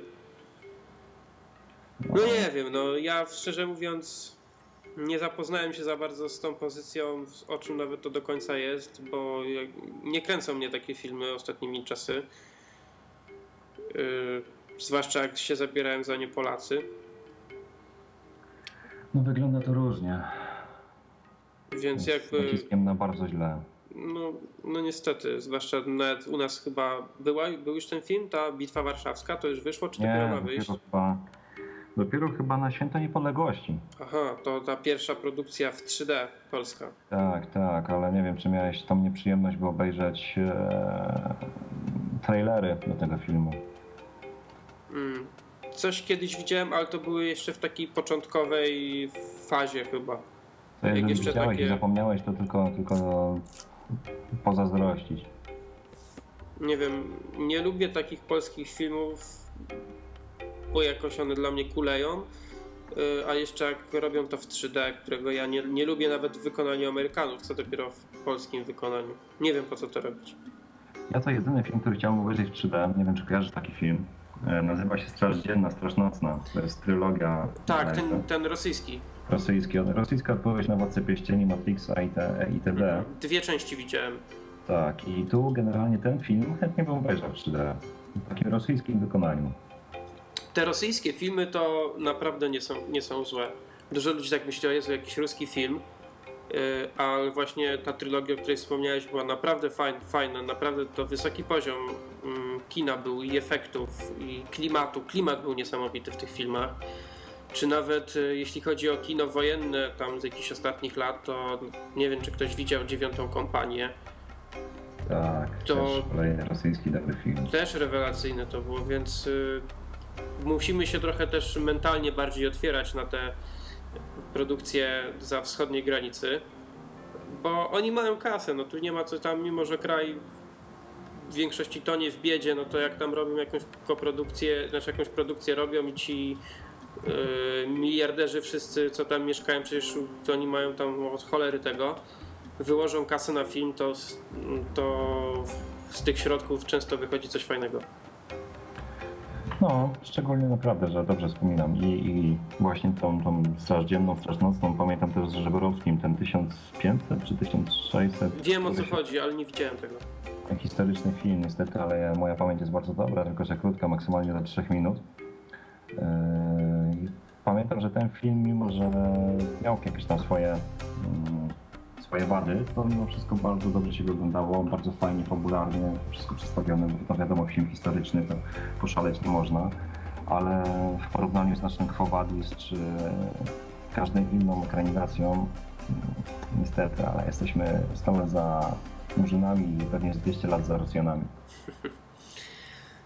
No niestety, ale zawsze pozostaje mieć nadzieję, że coś się w tym kraju zmieni, jeśli chodzi o filmy. Oczywiście ja nie, mm, nie mówię, że nie mamy dobrych filmów, bo mamy pełno dobrych filmów, tylko są zazwyczaj filmy yy, ofowe, niszowe, słabo promowane. Te wszystkie hity tak zwane, które u nas wychodzą, no to jednak no, no nie, to nie jest ten poziom, który byśmy chcieli oglądać. Że wiesz, czym też jest kolejny problem, to to, że ludzie oglądają te filmy i ludziom te filmy się podobają, bo pamiętam kiedyś ktoś zrobił taki materiał na jakimś wideoblogu, czy, no, czy nie wiem, czy to jakaś WPTV, czy cokolwiek, nie, no, ale to nieważne jest w tym momencie. E, I to była premiera Och Karol 2 i mikrofon i setka z każdym, kto wychodził z kina i tam głosy, które się przewijały, no super film, ale się ubawiłem, ale to było ekstra, ale to było fajne. A chyba 10 czy 12 osób, które gość przypytał, tylko jedna powiedziała, no jakaś tam średnia komedia, warto było obejrzeć, tak? No ja Także nie, ja nie to jest widziałem po prostu mamy takiego widza, tak? Mamy, mamy ileś tam set osób, które lubią obejrzeć lepsze kino, a mamy kilka milionów, które oglądają po prostu shit, którego my byśmy nie, nie tknęli tak naprawdę. No dokładnie, ale oczywiście nie mówimy, że nie należy oglądać e, komercyjnych filmów, bo, bo filmy komercyjne są, są bardzo dobre. Nie mówimy, że macie oglądać tylko ambitne filmy, bo my sami pewnie w większości lubimy sobie obejrzeć właśnie kino typowo komercyjne, gdzie mamy dobrą rozrywkę. No tak, no wiesz, no tak jak powiedzieliśmy wcześniej, no kino było stworzone dla plebsu i dla rozrywki, tak? Tak, My tak naprawdę tym plebsem jesteśmy i tego się tylko, trzymajmy. tylko pamiętajmy, żeby ta rozrywka też była na wysokim poziomie.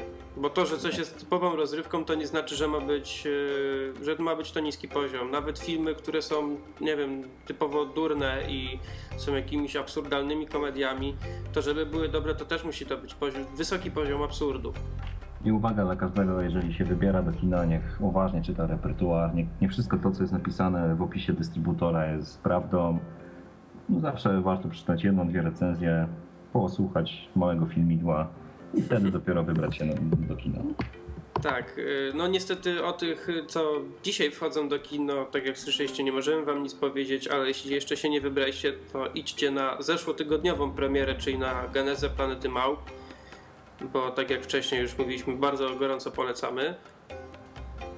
Y, Nie wiem co, chyba w, o, w przyszłym tygodniu będzie Król Lew w 3D, O, ale o tym, o tym pogadamy już w przyszłym tygodniu, bo to też chciałbym parę słów na ten temat powiedzieć. super, tylko żebyśmy się nie rozpłakali. Dobrze.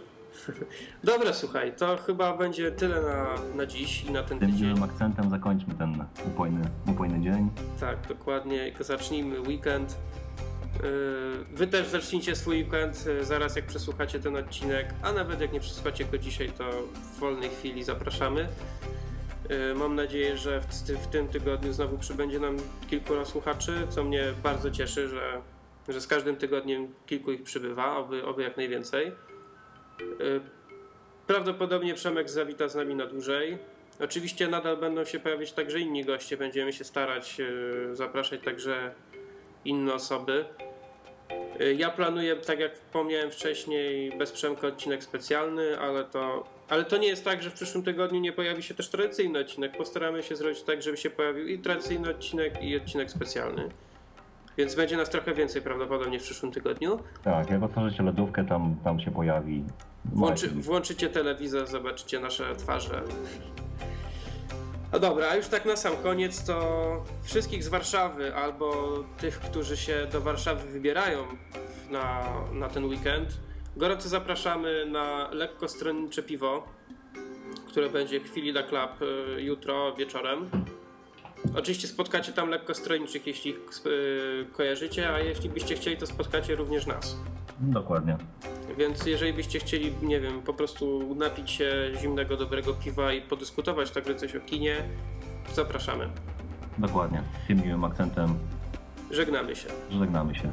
Więc do zobaczenia, do usłyszenia za tydzień i mam nadzieję do zobaczenia jutro. Cześć. Do zobaczenia na razie. Hej.